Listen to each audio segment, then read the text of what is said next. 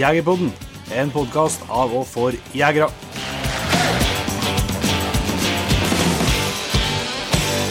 Hjertelig velkommen til en helt ny episode av Jegerpodden. Jon Inge, er du klar? Ja, klar som alltid. I dag, eh, som mange ganger før, da, men i dag syns jeg vi virkelig har en godbit. Ja, det, Det er nok. vi syns det noen Ja, ganger. vi gjør det. Og det er jo bra. Når vi er fornøyd, så får vi håpe at det ikke er bare vi to. Men vi har vært i- i Røyrvik, jeg bor, og prata med ei dame som heter Britt Bakken. Ja. Som har eh, noen fantastiske historier å dele, både fra jakt og, og arbeidsliv, og eh, ikke minst fra kjøkkenet. Mm. Men eh, det er jo et navn som jeg tror er kjent for en del av våre lyttere fra før, kanskje. da. Mhm. Men som har utmerka seg i masse år som kokk, og årets viltkokk og hva ikke. ja, det er mye det er mye heder og ære bak henne. I tillegg til Jeg tror jeg var 16 år, og så er jeg fra Canada som eh, både jeger og kokk, og seks bjørner på samvittigheten. Mm. Så her eh, er det bare å sette seg tilbake og nyte eh, god fortellerkunst og eh, bra historier. En fargerik dame, kan vi si. Absolutt. Men eh, før vi går dit, så eh, bruker vi å fortelle litt noe nå på høsten om det har vært noe jakting. da. Du har i hvert fall fått jakta litt, vet jeg. Eh, Ja, vi eh, Det var jo det var klart for litt rådyrjakt igjen. Eh, Vi har jo hatt vært litt sånn uh, tradisjon nå at vi har vært på Vega i desember. Eh, Der eh, var vi ikke noe heldige i år med trekkinga, så da ble det vi skulle prøve oss på Vikna i stedet. Litt kortere å kjøre.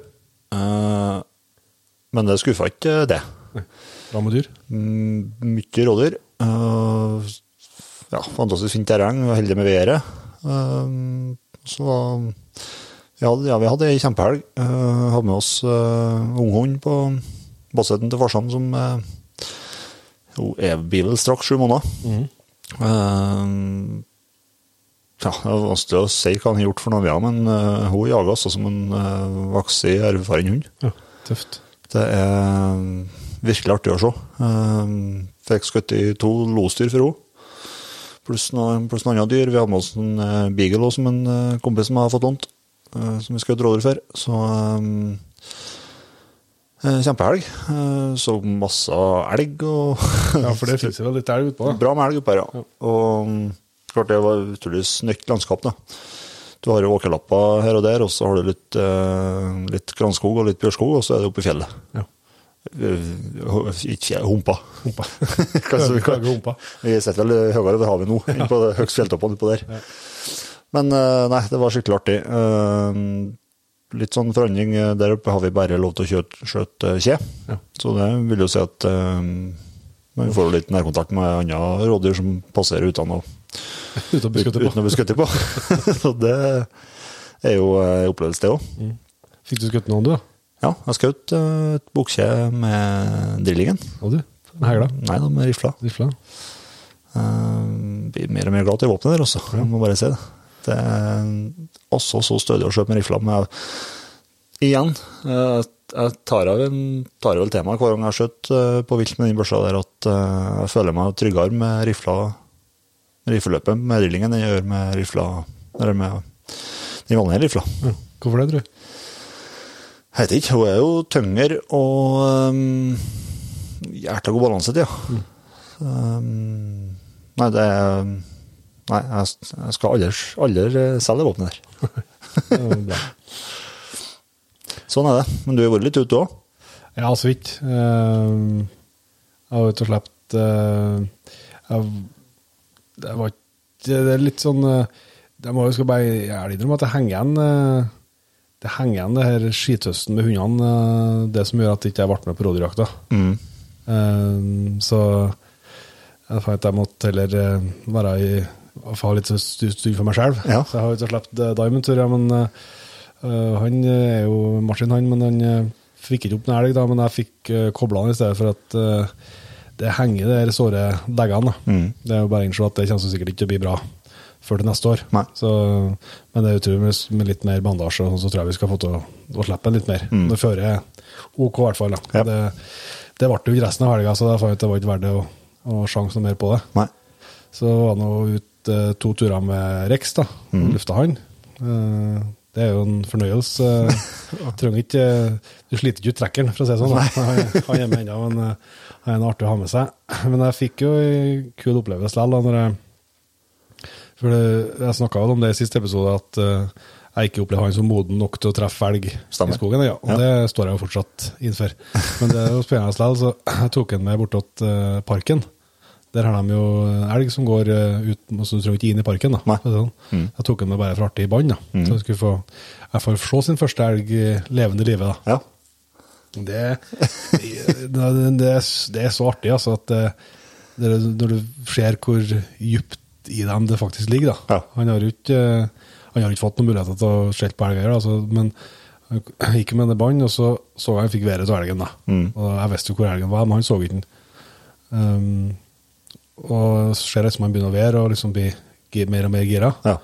Og så kommer jo elgen gående rett imot, liksom forbi en kant, så han ser den. da. Ja. Og Da er han bare ti meter fra og sånt. Ja, ja. Ser jeg hele hunden bare Så rister sånn. Begynner å riste og riste og riste. Og så kommer han ett steg nærmere, og da uff. Og så jævla gira, vet du. Og han liksom så bare hvor eh, det Jaktlysten er der. For Ja, det, er. Helt, det, det er helt garantert. Det er artig å se. Altså, men jeg, jeg vil ikke eh, det, skal, det er jo ikke lov til å trene hunder, liksom sånn, så jeg kan jo ikke begynne å slippe å jage opp en Nei, mer enn nødvendig. Altså, han fikk noe masse ros og skryt, og så gikk vi nå derifra. da. Det var en slags uh, introduksjon til bannehund du holdt på med? Ja, det var, var ikke, han var ikke stille, for å si det sånn. Han, det var mer sånn yling, så jeg tror det hadde blitt et hardt uttak. Men eh, ja da, det er helt Det er å se liksom urinstinktet i hundene. Når du får se en sånn Det er sånn på godt første gang med Zero, første gang han fikk eh, se et, eller lukte et rådyrspor, Ja, ja. så ble det jo lyd. Ja. Altså, det, her, det er merkelig liksom hva jeg Det sitter igjen, ja. ja. hva sitter igjen. Så det var noe tøft, og det var noe salig styr med å få han inn i bilen Jeg hadde han ikke tenkt seg derifra. så jaktløsen er der, men eh, så det, han, han blir nok. Det er bra. Så det var noe, den største, vi var nå ute og kikka litt i kikkert og gikk i Skarinn eh, på, på lørdagen der, men det var ikke noe det var ikke noe egna var ikke noe egna jakt eh, med å stilljakt jakt når du, du hører bare det, du hører ekko av Skarinn i, i fjellet, så er det liksom ikke så spennende. Nei. Så vi får ta nye tak nå når nå regner det ute, så da er jo stø, plutselig større sjanse. Jeg har litt mer trua til helga nå også. Det, det jeg tror det blir bedre hundføre, og så virker det som rein har trukket seg unna. Og så Prate litt med noe sammen mot helga, så tror jeg det løser seg med litt jakt til helga nå. Vi er, vi er giftige nå. Ja, vi får se. Da har vi ikke hatt så mye dyr igjen på kvota si. Nei, Ja, det er bra. Nei, men jeg tror vi setter over til Britt, jeg. det gjør vi. Da har vi gleden av å ønske Britt Bakken hjertelig velkommen til Jegerpodden. Tusen takk. Og takk for at vi får lov til å komme hjem mot deg. Jeg vet du, knapt nok om jeg har vært i stue med så mye bjørnskinn eh, på veggene. Takk skal du ha. Ja, det, det er ganske dyrerikt i huset her, ja. Det er det. Det vil jeg si. Men det må vi komme eh, mer tilbake til. Men eh, før vi eh, kommer oss dit, så må vi jo starte helt på starten. Britt, det er jo et vanskelig spørsmål, selvsagt, men kan du fortelle litt om deg sjøl? Eh, kort. Ja, eller langt. Det gjør som du vil. Ja, det Jeg er nå blitt 63 år. Har eh, etter 47 år kommet tilbake til Røyrvik. Ja. Og lagt bak meg et eh, 40 års langt arbeidsliv. Eh, Jeg, har, eh, jeg er skilt og har en sønn på 23 år, som også er med opp til Røyrvik nå. Ja. Eh, har hatt et eh, veldig fargerikt liv. Eh, og det bærer jeg jo veldig preg av på alle mulige måter. og eh, er nå kanskje litt over gjennomsnittlig interessert i bjørn ja. og bjørnjakt. da, og har jo sin naturlige årsak av det. Jeg er jo glad til å være ute og dyrker jo friluftslivet ut ifra de mulighetene jeg har, da. Mm. Nå blir jeg jo enda mer ettersom jeg har blitt litt sånn eh, eh, pensjonist, da. Ja. Pensjonist light. Ja. Jeg tror du må kunne si det, at du er litt light ennå. Ja. ja. Eh, nei, altså så det, det Det livet handler om å lage mat. Og det handler om bjørn. Og det handler om et aktivt kokkeliv i, i foreninga vår. Eh, og en god del humanitære ting som jeg er engasjert i, da. Ja. Men denne interessen da for eh, Hvis vi tar det først med jakta og friluftslivet, da, kom det helt ifra barnsben, eller? Ja eh, eh, Det må jeg vel egentlig si, fordi at eh, far og jeg vi kom jo til Røyrvik fra Oslo. Eh, far jobba i byen, og han var enslig far på begynnelsen av 60-tallet, noe som var ganske uvanlig. Ja, Det kan ikke være så mange av den gangen. Nei, det var det ikke. Og så traff han ei trivelig dame. Hun var nå snåsning, da, men eh, eh, hennes mor kom fra Vestgården her oppe i Røyrvik. Ja. Så vi, vi kom nå hit da, og da var jeg vel rundt en fire år, og kom til Humpen, da, som var hytta. Eh, og det tror jeg gjorde et veldig inntrykk, eh, å komme ifra, rett og slett fra Sinsenkrysset, hvor vi bodde den gangen, Ja. og hit til stillhet og fjell og vann, og du liksom tenkte om Du drømte jo liksom om tusser og troll, og du så jo Og du fikk være med på din første fisketur ute i Unningsvatnet og holde den der ørreten. Det var jo det var ganske stort eh, og, mektig for en liten unge. Eh, og så ble det jo sånn at eh, jeg ble boende på Snåsa en periode eh, hos min nye mormor. Ja. Og hun ble jo en lederstjerne på alle mulige måter. Og hun tok meg inn i denne naturens rike. Eh, først og fremst så var vi jo på gården deres, eh, hvor jeg la min elsk på alle dyra. Og så bar seg nå videre da ut for å lete etter andre ting. Og når vi da kom til Røyrvik etter hvert, og far hadde bygd hus, og de flytta inn i 68 her, så var jo mor med oss. Um, og da, kom jo, da var vi jo ute og fiska med garn, og, eller gikk i fjellet med bambusstanga og gravd mark eh, på en gammel seter opp, like oppi her, da. Ja. Og fulgte gamle gjeterstier. Eh, til vi snarere rypa om, om vinteren, da. Ja. Eh, og det var Det var som et eventyr. Ja. Så jeg ble jo merka for livet, men på en god måte. Ja, ja, ja. det var jeg. Men, du, men det, eh, før nå, altså et voksne liv har ikke vært har ikke foregått i Røyrvik i eller ikke fast bosted, i hvert fall.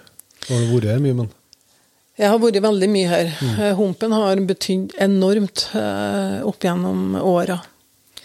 Eh, det var på en måte en sånn, eh, sånn eh, mobilfri sone. For det fungerte faktisk ikke noen telefoner eller noen ting. Eh, Men det var hit jeg dro når, eh, når eh, tankespinninga ble for stor. Med en kraftig ADHD-diagnose som jeg fikk vite sent i livet så var det svaret på hvorfor at jeg alltid dro hit, der jeg måtte ha en timeout. Mm. og da traska jeg jo myri og fjelli og gikk jo i, i det som mormor hadde lært meg å gå, da. Ja. Eh, og det er klart eh, Det ble jo et kvart et ganske hektisk eh, arbeidsliv som kokk. Og eh, å være kokk er ikke noe ni til fire-jobb. Men det er jo et yrke som er utrolig spennende hvis du ser mulighetene. Og det syns jeg jo at jeg fikk mange muligheter til å prøve forskjellig. Så at jeg Drømmen var jo egentlig å, å starte med gård oppe i Røyrvik her, og ha høner og produsere egg. og Jeg skulle ha geiter, og jeg skulle ha noen hest og noen kaniner og litt sånne ting. Men etter to og et halvt år på Lønbyskolen så fikk jeg den brutale beskjeden om at jeg ikke fikk lov til det pga. sykdom. Og faren min sa det at eh, du vet det, Britt, husmorskolen, det er viktig. Så da endte jeg på Nord-Trøndelag flyttbare husmorskole i Grong, av alle ting. Og vi var tolv jenter. flyttbare, heter det. Flyttbare, ja. For det var to flyttbare skoler i Nord-Trøndelag. Og det var gjort for at eh, en del eh, ungdom skulle slippe å reise så langt for å bo på hybel. Og det var eh, grunnkurs landbruk, og det var husmorskolen. Men du vet, eh, sånn villtaus som mange, å bli stengt inn på et, eh, et klasserom med elleve andre medelever det var helt grusomt. Det var helt forferdelig. Og at jeg eh, fikk til å lage noe mat, det er nå et guds under. Men jeg gjennomførte nå den skolen, og så begynte jeg på Steinkjer etterpå, på storhusholdning. Var liksom der interessen for mat virkelig vekka, eller liksom hadde det vært der hele veien? Det, nei. Jeg, nei, jeg likte å være ute, jeg, vet du. Jeg lik- likte å fiske og jeg likte å holde på med det. Og jeg, når jeg var ungen, da, så fra jeg var 10-15 år, da, i den tida jeg bodde oppe i Røyrvik, så hadde jeg jo dyr om sommeren som vi fôra. Og så ble det slakta om høsten, og faren min var jo veldig flink til å lage mat, så jeg lærte nok, lærte nok noe av han, men det var ikke, en, det var ikke den største interessen. Nei. Det var det ikke. Det var, det var dyra. Eh, men uh, uh, Så de første årene i dette yrket var nok litt haltende, da. Men jeg kom nå meg gjennom det.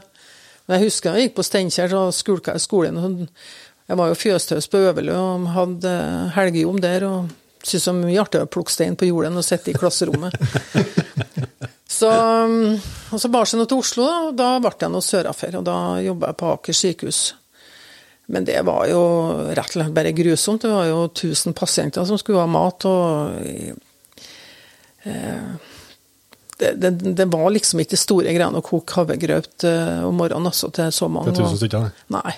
Det er en bra kasseroll, antallet. Ja, så, jeg, så, så det kjøkkenet der da med 40 kvinnfolk, det lå rett ved siden av kjørekontoret på sykehuset. Der var det x antall mannfolk, og det var jo mye mer spennende. Så jeg eh, tok eh, truckførerbevis, så jeg fikk kjøre sånn mattrøkk eh, i helgen da, som ekstrajobb. For da hørte jeg til kjørekontoret, og ikke kjøkkenet. Og det syns jeg var en skikkelig digg greie. Og så fant jeg ut nei, men jeg skal bli, skal bli ambulansesjåfør. Det passer meg bra.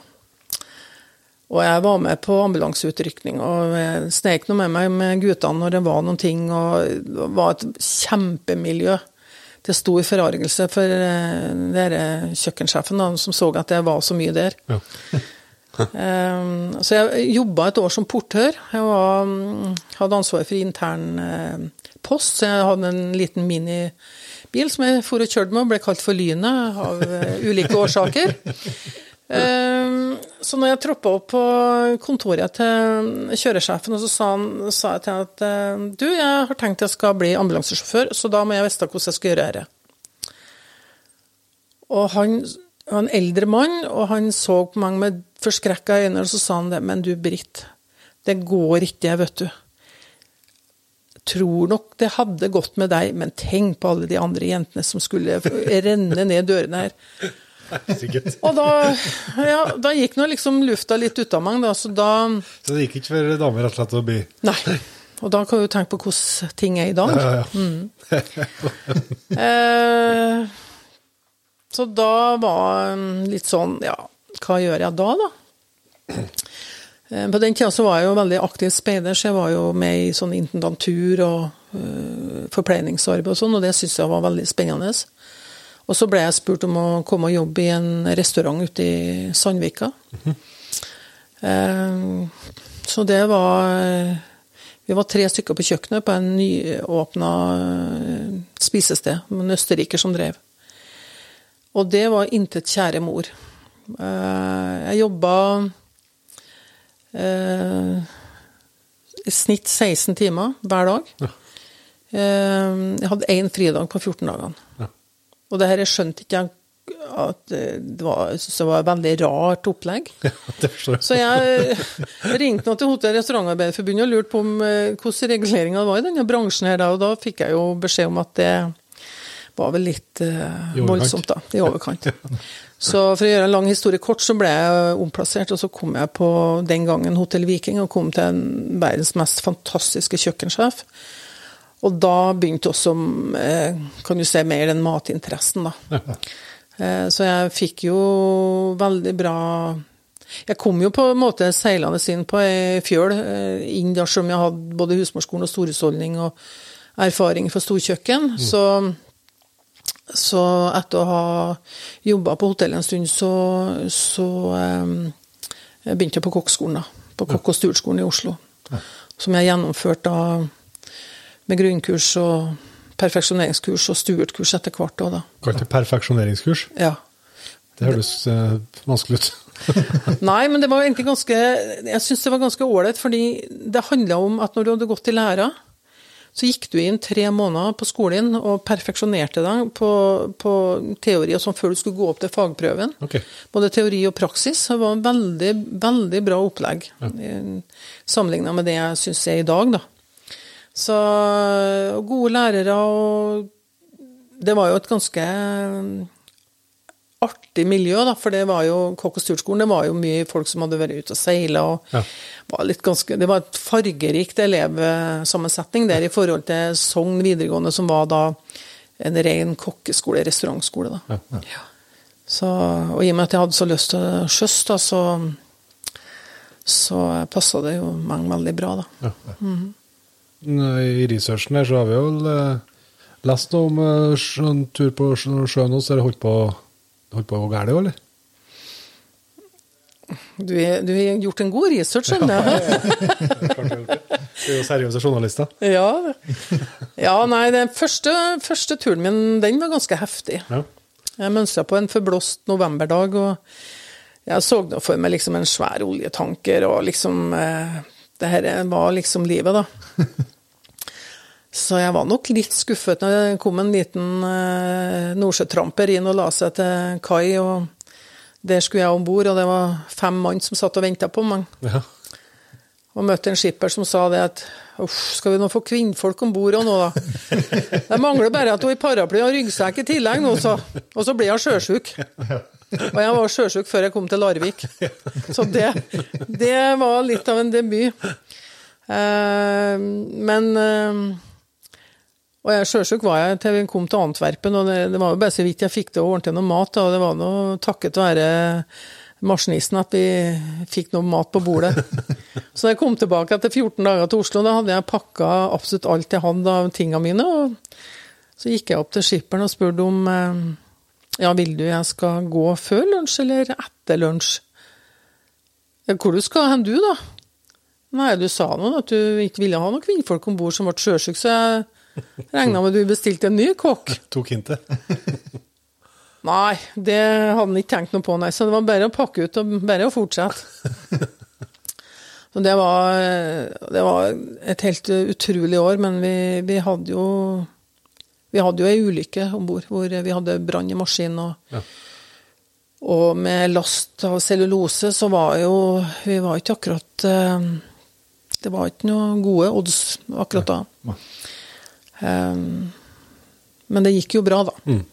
Det var en, det var en, eh, det var en opplevelse som du eh, i ettertid tenker veldig mye på, at det er mye mellom himmel og jord som du ikke forstår. Ja.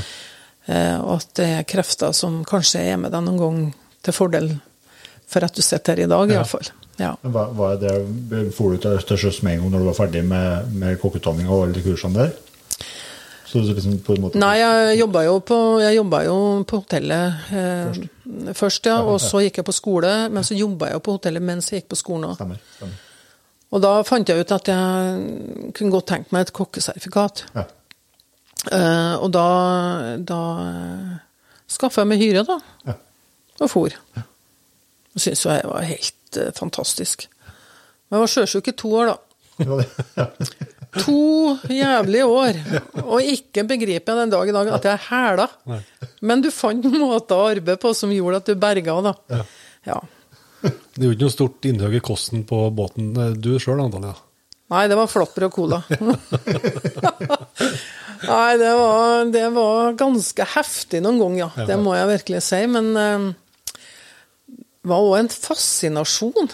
Eh, havet, er, havet bestemmer du ikke over, vet du. du og det, og sånn er jo heller så, du bestemmer jo ikke over vær.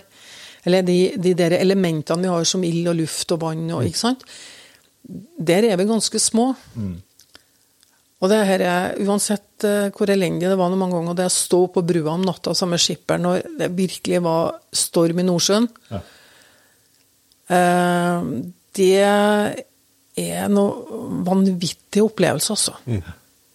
Naturkreftene er tett på. Ja. Virkelig. Ja. Så jeg syns jo at eh, eh, Jeg lærte mye av det. Så etter to år på, på fraktebåt, så kom jeg jo over på en gasstanker. Den gikk jo ja, Irskesjøen og opp til Shetlandsøyene og England og Skottland og ned til Europa, da. Eh, og det var, da ble det jo litt likere, da. Det var ikke fullt så mye sjøsjuk, da. og så siste båten var en oljetanker, da. Og det var jo Jeg skulle aldri ha reist hjem derifra, vet du, men da var jo det her med utflagging kommet. Ja. Ja. Så vi mista jo jobben vår. Men det var jo helt fantastisk. Det eneste jeg var irritert på, var at Aspiken rørte på seg på når jeg drev og lagde julematen. Så da kunne du tenke deg det var noe annet enn første båten jeg var på. Det som var Det var jo Selv på den oljetankeren syns jeg det var Da skjønte jeg kanskje litt mer det her med mat og miljø og det å ivareta folk, og hvor viktig det er å skape gode relasjoner, sånn at folk har det bra. Du, Det var- du, du, du er deg på laurbærene etter at du begynte å arbeide mer til lands, skulle du si, eller? Det er jo noe du har gjort deg bemerka i, i mange sammenhenger. Ja, nå vet du, jeg er en sånn trassekjerring vet du, som eh, har sine egne ideer. Men det som jeg så, var jo det at når jeg kom hjem, er at hvor lite stolt vi var av, eh, av den maten vi hadde, egentlig. Ja. Alt handla bare om eh, fileter den gangen. Ja. Altså det, det var biff, og det var lammefilet, og det var svinefilet. Og, ikke sant? Det var eh, Hva skal jeg si Hvis ikke du var på de, de, de, de fineste feinschmecker-restaurantene, så var jeg ganske labert, altså. Eh, og jeg husker jo at jeg Jeg hadde en periode jeg var kafébestyrer i Oslo, men jeg ville til fjells, eller ville bort fra byen, så jeg ble jo headhunta til en jobb på Beitostølen som kjøkkensjef der. Og jeg tenkte at yes, nå kommer jeg liksom Her er ørret og rype og reinsdyrkjøtt og sånne ting. Men jeg hadde en hotelldirektør som ikke var der, for det hadde jo han gjett i hele barndommen sin, så det, det skulle være biffaften, og det skulle Ikke sant? Så, og til slutt så var jeg så utfordra på dette, her, så jeg kjøpte meg en egen bedrift jeg, i Valdres, Ja. som heter Vassfarfoten.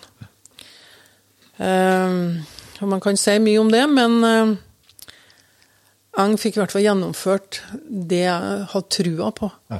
Det å være tru mot et konsept som baserer seg på, på det ekte og det genuine og, og de matvarene du har i nærmiljøet. Ja. Og løfte fram kanskje varer som du ikke vanligvis eh, har brydd deg så veldig mye om. Ja.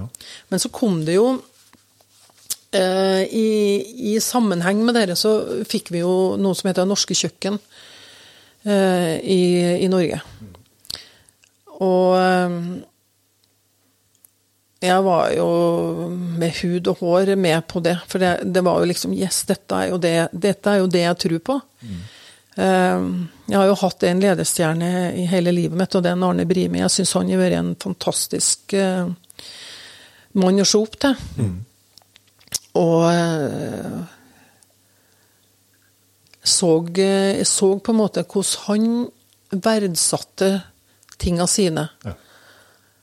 Og jeg hadde ikke, noe, hadde ikke noe ønske om å kopiere han, for jeg tenkte jeg må finne min egen vei. Men jeg hadde jo allerede da begynt å få litt sånn Ja, da hadde jeg jo liksom vært i Canada på bjørnjakt og så liksom hvor folk var litt sånn interessert i det, og så begynte jeg å bruke bever. Eh, vant jo noen priser på det, og, og da begynte jeg liksom det, det begynte å dryppe. Så når jeg kjøpte Vassfarefoten, så da la jeg breisida til, altså. Og, og vi ble jo liksom omtalt eh, som outsidere. Jeg var kvist- og Kvasskokken og Men hvis det var så galt, så kan ikke jeg skjønne hvorfor vi var omtalt i nesten alt som var media i den tida. Nei. Og ut i naturen med han eh, Sverre kom jo og lagde program. Det var Det glade kjøkken. Altså det var masse, masse trøkk på oss. Og vi lagde jo helt annerledes julebord og sånne ting. Ja. Det var ikke at ikke vi hadde ribbe og alt dette her, men vi vi brukte bever og elg og sik fra sperrilden og sånne ting som folk egentlig ikke trodde de åt. Ja. Jeg noterte meg du ble kåret til årets viltkokk i 91, og da serverte du bever. Ja, det gjorde jeg. Og vi, eh, vi fulgte opp, eh, opp det med en tredjepris også. Ja. Eh, som han jeg var gift med, fikk da, for, noe, for en det Og vi eh, var jo mye på villmarksmessa på forskjellig der, og eh, ja. Det kom jo folk til oss eh, som var veldig fascinert av den matseddelen vi hadde. da. Eh, det var sikkert mye vi ikke, ikke hadde òg, men det vi serverte, det, var med omsorg og kjærlighet, bruker jeg å si. Fordi vi var så genuint interessert i å lage god mat av de råvarene vi hadde. Og så må man ikke glemme det at det er ikke alle som er vokst opp med elg og rype og malta.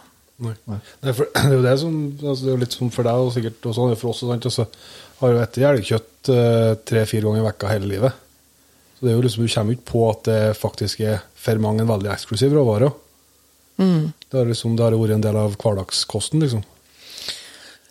Ja, og det, det har jeg jo ganske eh, ofte fått bemerkninger på.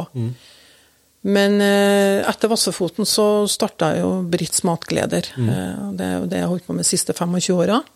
Som var en cateringbedrift i Rygge.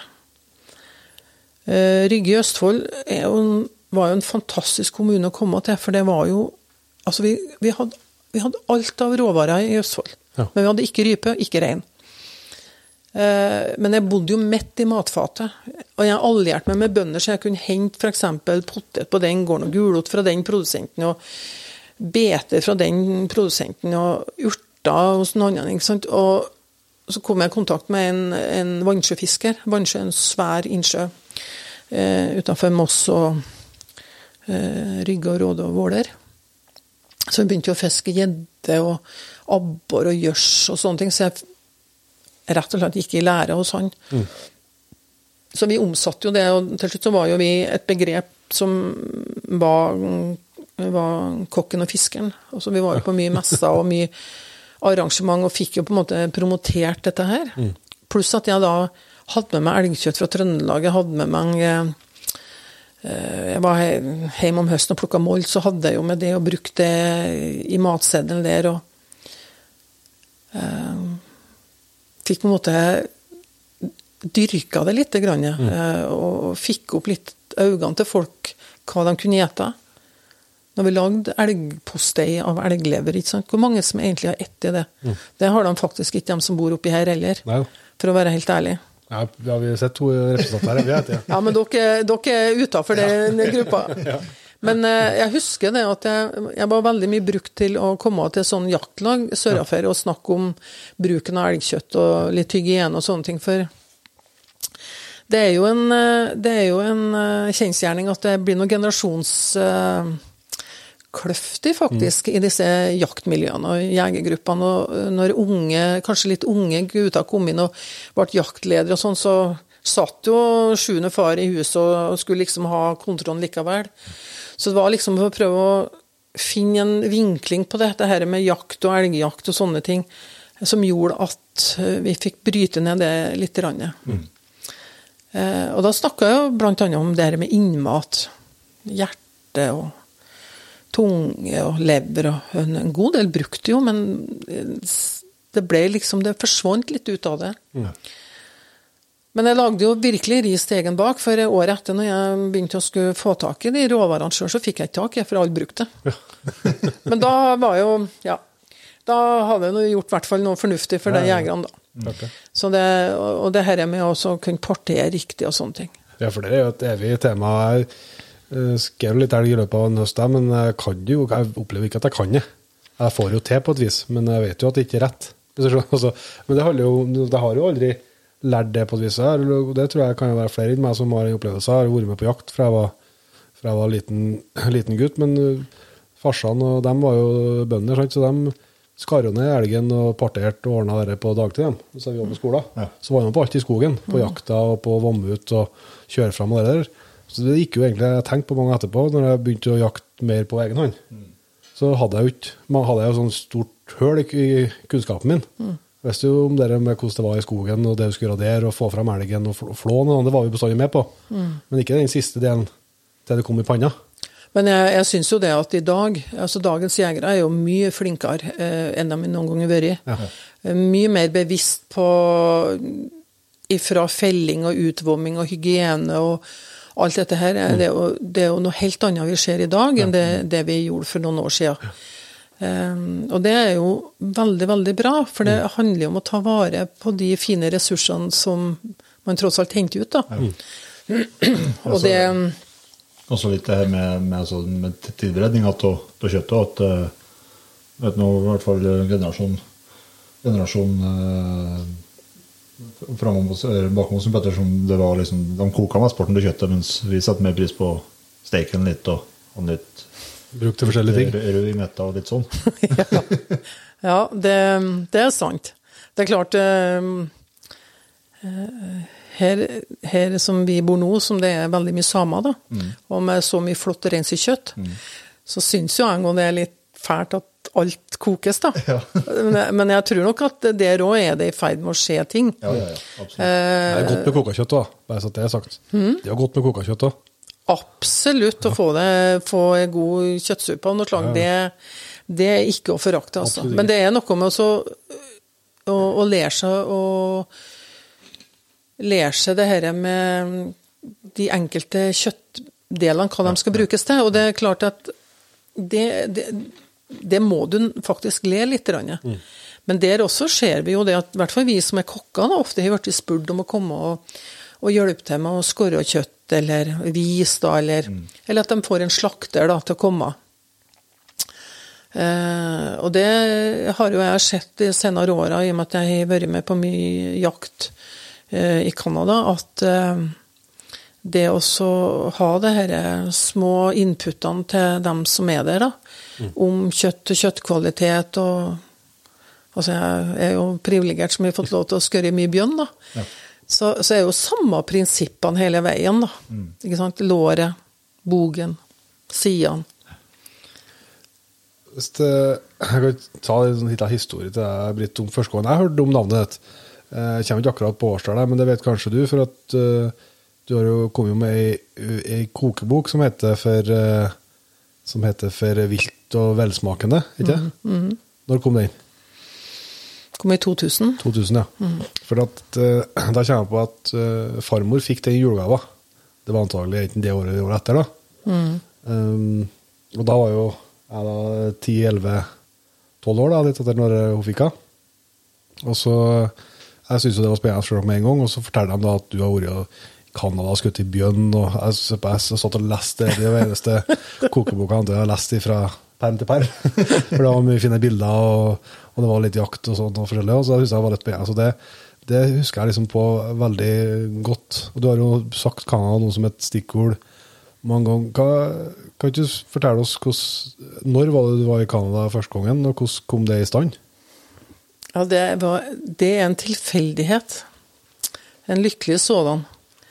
Fordi at jeg, den sommeren så var jeg og jobba på ei seilskute i Oslofjorden. Jeg var på miljøtokt eh, og jobba for eh, eh, noen, noen ungdommer eh, ned gjennom hele norskekysten og Sverige og over til Danmark og det. Ja. Så ringer venninna mi, som tilfeldigvis, av alle ting, var på Elverum på jakt- og fiskedager. Og så ringer hun og sier du, eh, jeg må bare ringe, eh, hvor, eh, hvor Hva skal du til neste år? Nei, det vet ikke jeg hvor jeg er til neste år, jeg, men det, det, en eller annen plass er jeg vel. Fordi at jeg var jo, var jo uten jobb pga. utflagginga og sånn til sjøs. Mm. Det var på slutten av 80-tallet. Ja. Ja. Og da sier jeg ja, men eh, da er greit, men du er opptatt fra, fra den og den, ja, etter påsk og så ja, mot uh, slutten av mai. Og er jeg det, altså? Ja, du skjønner det at vi skal til Canada på, bjørn, på sånn bjørncamp. Og um, de tror at jeg er kokk, men jeg har sagt jeg må ha med venninna mi. så, så da ble det nå det, da. Så vi dro nå, de trodde nå det var en kokk og ei venninne som kom, og så ble det egentlig motsatt. Ja. Og det var helt eh, Altså, det, det var jo et eventyr. Ja. Eh, For to eh, eventyrlystne damer som virkelig har lyst til å utforske verden. Så vi eh, jobba hos eh, Canadian eh, Hunting House. Eller, ja oss eh, I utgangspunktet i Edmonton, da, i Alberta.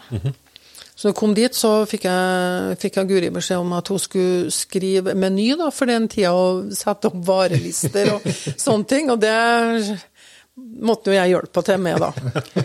Eh, Så hadde vi ei uke fri. Eh, og så kom det jo en norsk camphjelper eh, som også skulle være sammen med oss. Og hvorfor han hadde norske folk, det var fordi at veldig mange av de jegerne som kom på den tida, var mye eldre karer som kunne dårlig engelsk. Så vi skulle være på en måte tolk òg, i tillegg, da. Eh, og camphjelpa den hadde jo ansvaret for alle teltene og ved og vann og sånne praktiske ting. Og, og kjøkkenet, kjøkkentelten det hadde jo sitt ansvarsområde. Eh, så, så vi måtte være der rett etter påsk, så vi fikk forberedt alt og liksom eh, sett hva vi skulle ha med oss ut. Og handle inn og bestille og sånne ting. Så hadde vi ei uke eh, som vi fikk med oss en bil. Så venninna mi og vi kjørte jo den Ford, eh, Ford Transiten, da. Og for på eventyr inn til Calgary og inn til Rocky Mountains, da. Som var altså helt, helt fantastisk.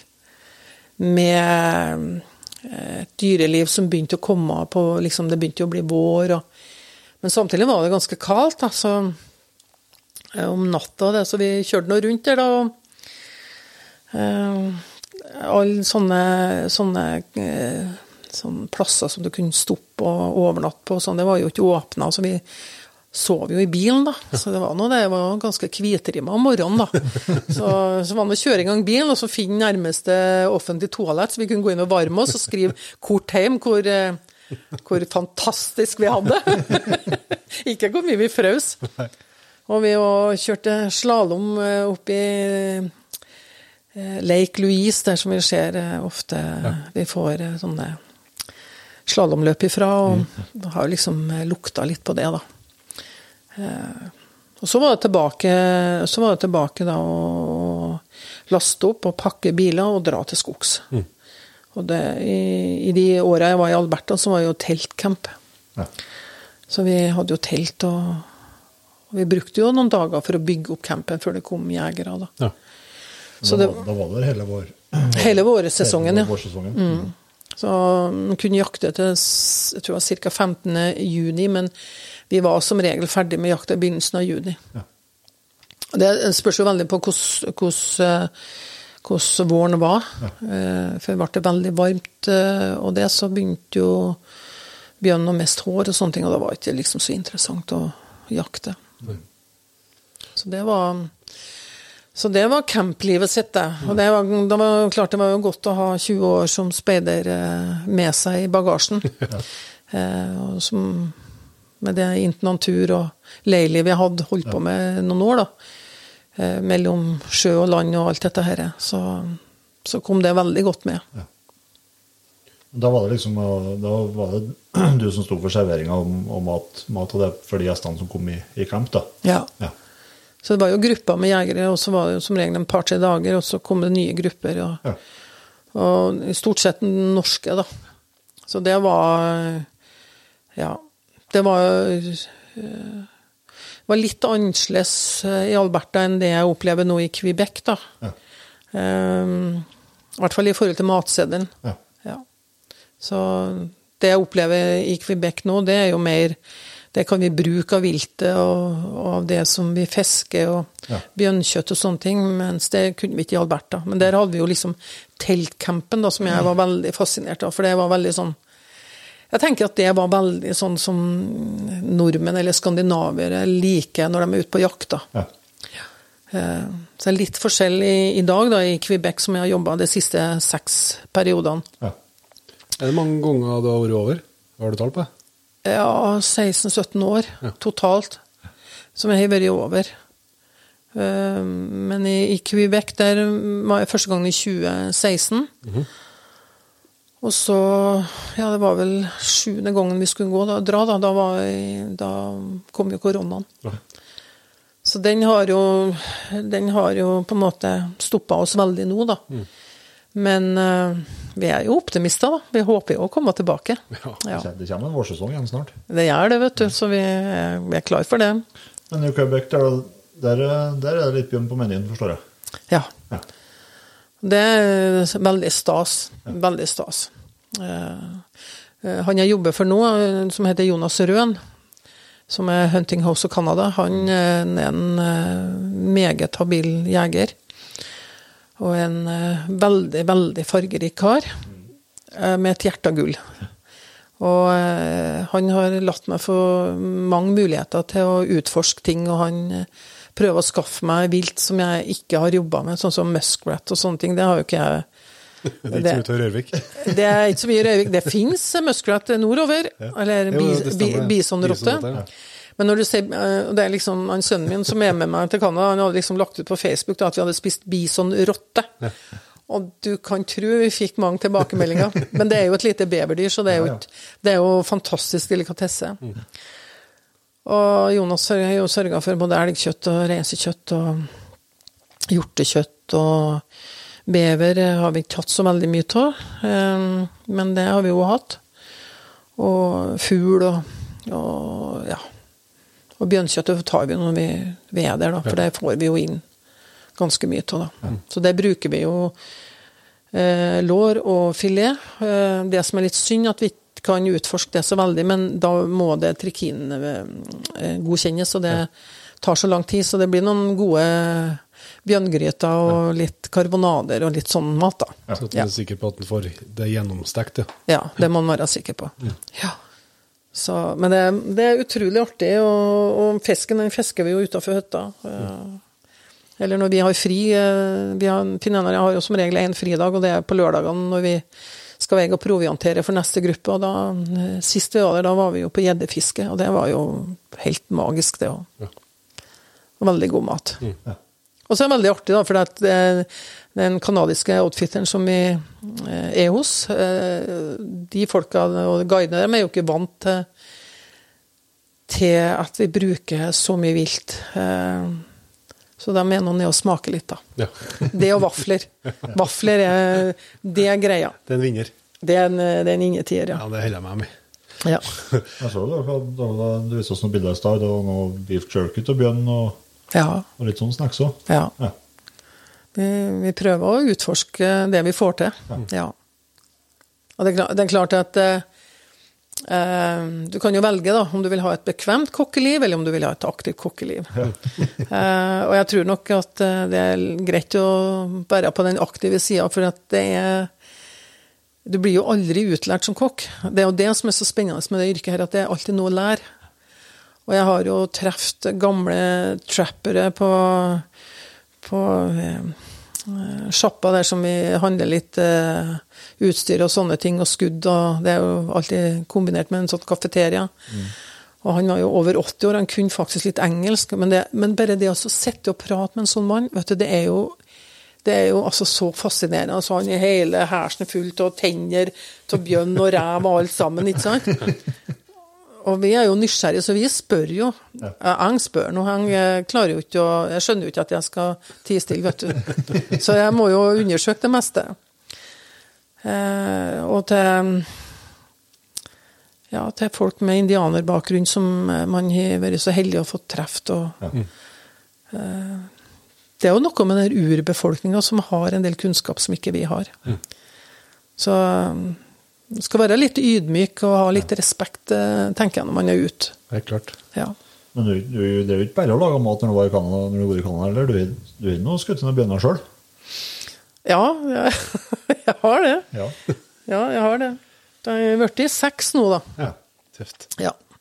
Så det, jeg skjønner det at det fascinerer veldig mange. Jeg tror ikke egentlig jeg har skjønt eh, jeg tror egentlig ikke jeg har skjønt at det er så spesielt, ja, men, eh, men jeg har nå hatt noen foredrag rundt og eh, Nå er jeg ikke noen erfaren foredragsholder, men eh, jeg lever meg veldig inn i det.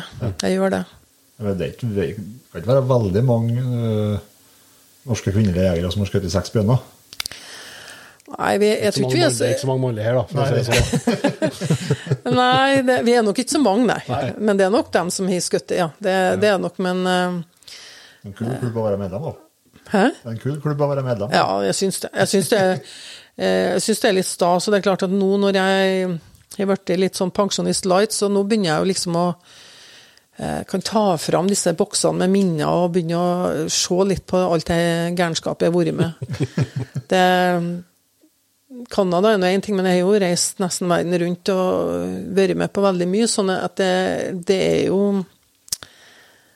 eh, Jeg syns jeg har vært veldig heldig. Ja. Men du må ta oss med på eh, første bjørnfallet. Uh, ja Har vi god tid? Ja, ja. Kjempe, kjempegod tid.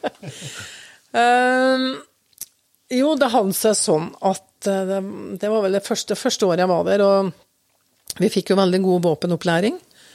Du har jo ikke jakta nå i, i Norge?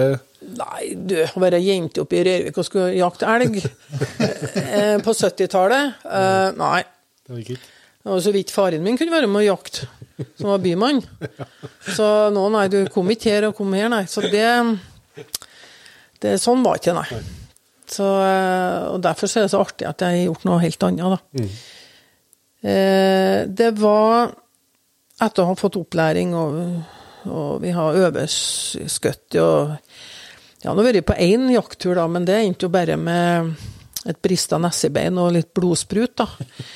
Så gikk det vel en 14 dager til, og så ble det en løsning, for da for nå jegerne hjem, og så var det tre dager før det kom nye. Og da hadde jeg blinka meg ut han en veldig sånn godsinn guide. En uh, utrolig trivelig, og som var alltid blid, og hadde alltid liksom så Ja, nei, jeg hadde veldig Han tenkte jeg, han, han skal jeg ha med meg ut.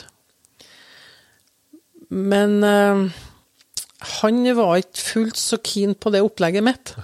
For at jeg er jo speider, så jeg tenkte jo at ja, men da TV med sovepose og mat, og så blir vi nå der, da. Ja. Hvis ikke vi får noe bjørn, så skal vi ligge over til dagen etter. Nei, det, det var Og forresten skulle nå få kjerringa si på besøk, da, sånn at eh, han var ikke helt sikker på om det her, her var innafor, da. Det jeg ikke visste, var jo at han var nygift, stakkar. Ja, så bar seg nå av gårde, da. Jeg ordna med mat og alt sammen. Men det han ikke så, var jo at jeg har bare henta soveposen hans og utstyret hans og mitt og lasta inn, inn i pickupen, da. Under pressendingen, og det så jo ikke han. Så når vi kom dit vi skulle jakte, det, det er jo litt sånn rart, dette, men vi kjører jo ganske mye og, og i store områder for å finne gode jaktspotter. da. Litt etter hvor det har vært jegere og det. Så vi gikk jo og lette etter eh, ja, merker og spor og, og det. Og i Alberta så var jo sånn pipeline og, og sånn, ja, for olje- og gassledninger, og så var det branngata der. Så det var, vi gikk jo ofte på de og leita, for da så du liksom om det har vært bjørn. For, du, for det første bjørn er at om våren er jo liksom særlig kløveren. Det som er midt inni kløveren, det er liksom all delikatessen til bjørn til å begynne med. Ja. For han slipper jo den proppen på våren, og så skal han jo begynne å ete seg sakte og sikkert opp igjen. Og det er jo gress og urter og det. Og så var det om det var binner med unger, ikke sant? og du så um, klørmerker på trær. Eh, skit, ikke sant. Så du, hvis det røyk av en skitruke, så burde du helst se deg litt rundt godt. Men bjørn er jo ikke Altså, det er jo mange som har noen sånne har noen sånne eh, formening om at eh, de er livsfarlige. De er jo egentlig ikke det. For de skygger jo banen. De er jo veldig var. Eh, Så hvis ikke de er direkte trua, eller at du kommer mellom binde og unger og sånne ting, så så eh, er det jo ikke så farlig, da. Men du skal ha respekt. Det er jo det det handler om. Du skal ha respekt for det dyret. Eh, så vi gikk jo der en hel ettermiddag, og det begynte å bli ganske bra temperatur. og Nei, det ble nå ingenting, og ikke så vi noe bjørn heller, vi så bare far. Og så sa jeg nei, nå måtte vi dra hjem, da. Nei, sa jeg, vi skal ikke hjem. skal vi ikke hjem? Jo, vi skal hjem. Jeg, jo, nei, vi skal ligge over her, sa jeg. Nei, men det går ikke, det, vet du. fordi om du er speider, så går ikke det. For vi gjør ikke sånt borti her, sa han. Nei. Ja, men så sa jeg jeg har tatt med utstyr og alt sammen, og han var Jeg, jeg tror ikke han var overbegeistra, for å si det sånn. Så vi fant oss nesten som et lite grustak en plass, og samla opp kvist og fyra opp bål. og Det var ei underlig natt. Det var i hvert fall ikke mye søvn, det kan jeg fortelle dere. Der vi lå ved det bålet, han var vel passe irritert på det kokkene hadde dratt med seg. Og, og jeg var jo så fylt av adrenalin, vet du, og hørte jo alt av lyder rundt meg. og og, og jeg måtte jo passe på at vi fyra på det bålet, da, for at vi skulle holde dyr unna. da. Du vet, jo, du, du aner jo ikke hva du blir gitt deg ut på. Så vi lå nå på hver side av bålet med gevær, og tingene våre da godt samla rundt. Ja. og det, var, det var en fantastisk fin natt med stjerner og alt det her. Og så plutselig hørte du ulven da, som ula. Og det var nesten sånn at jeg trodde han sto rett bortenfor meg, og så hørte du det svare på andre sida. Og så bare den der vanvittige lydene og de der inntrykkene som du har når du, når du, ligger sånn. Du ligger jo litt sånn og er jo litt sånn ja, På vakt. På vakt da. Mm. Det var noe som gikk borti der. Eller, det er jo et yrende uh, dyreliv. Mm. Og så har du plutselig et skikkelig plask, og det vet vi jo er beveren som uh, varsler, da, ikke sant. Og du hører jo, du hører jo at det er dyr rundt deg. Det var, det var en eiendommelig opplevelse, altså. Jeg har ikke villet være foruten for alt i verden. Så når sola rant da, tidlig på morgenen, da fikk jeg beskjed om at det var bare å stå opp, ja. Så skulle vi ut igjen. Så vi fikk i oss mat og fôr. Og den dagen var jo en flott dag, og vi gikk og vi gikk og vi gikk, og vi gikk, og vi så spor, og vi eh, Nei. Og til slutt så kom vi til et kryss med et tjern, og der la vi oss ned, for der hadde vi oversikt over flere sånne gater. Og, og det la vi oss for å sove litt, for vi var så trøtte. vi hadde jo ikke sovet om natta. Så, så er det noe sånn en gang, da, at når vi har sovet litt, da, så lå vi og så på en beveren som for opp att og fram da, til øynene datt igjen. og Våkna av mygga som beit, og sola som brant i ansiktet på dem.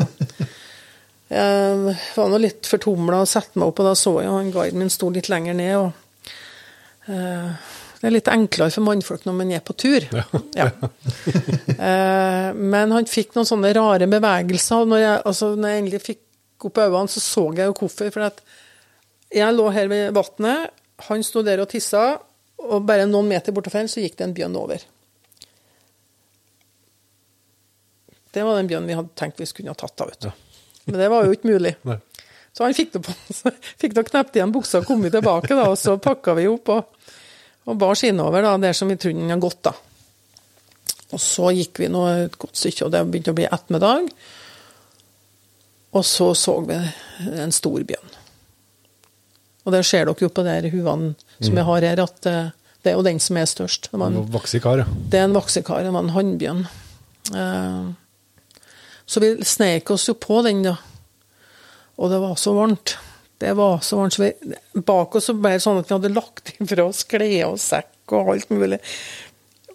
Og vi hadde jo vind eh, helt perfekt, og, og så eh, Det var, ja, 100 meter unna, det var 90 meter unna, og jeg tenkte Å, der, blodpumpa Hun gikk jo var sikker på at de hørte den herifra til Norge.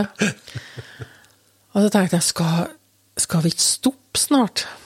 Og han guiden du, bare pusha Og så la den der bjørnen seg ned bak ei kjerr. Og jeg tenkte, er det mulig? Og så guiden bare signaliserte vi må gå litt nærmere, vi må gå litt nærmere. Jeg husker ikke i dag, det står vel i boka hvor mange meter jeg var unna, men eh, så satte vi oss i skyteposisjon. Og jeg var så Jeg var helt fjertra over den der bjørnen som lå bak den der busken.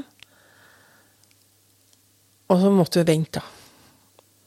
Og det var sikkert ikke lenge vi venta, men det, for meg så føltes det som flere år. Og sola steika, og myggen kom, vet du. Og, nei, og vi kunne ikke begynne å klaske etter myggen en gang heller. Men så resten av den byen seg opp, og da smalt det. Og der lå den. Dæken, jeg var fornøyd. jeg hadde vel aldri i livet trodd jeg skulle skjøte en bjørn, da. Så det var stas. Så jeg var tilgitt, da. Til og med av hun kona som satt i campen og venta på sin mann.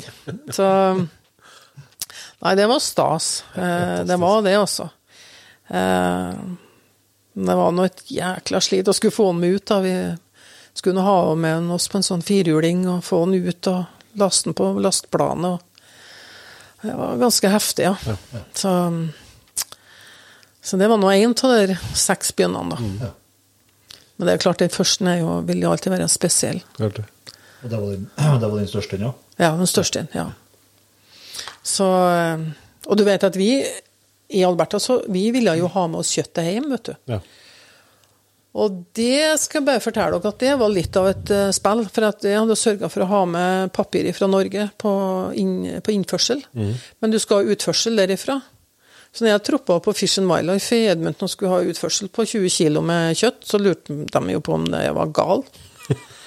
Det var ingen som åt bjørnkjøtt, fikk jeg beskjed om. Så det var kunne de ikke forstå hvorfor at vi skulle ha med oss.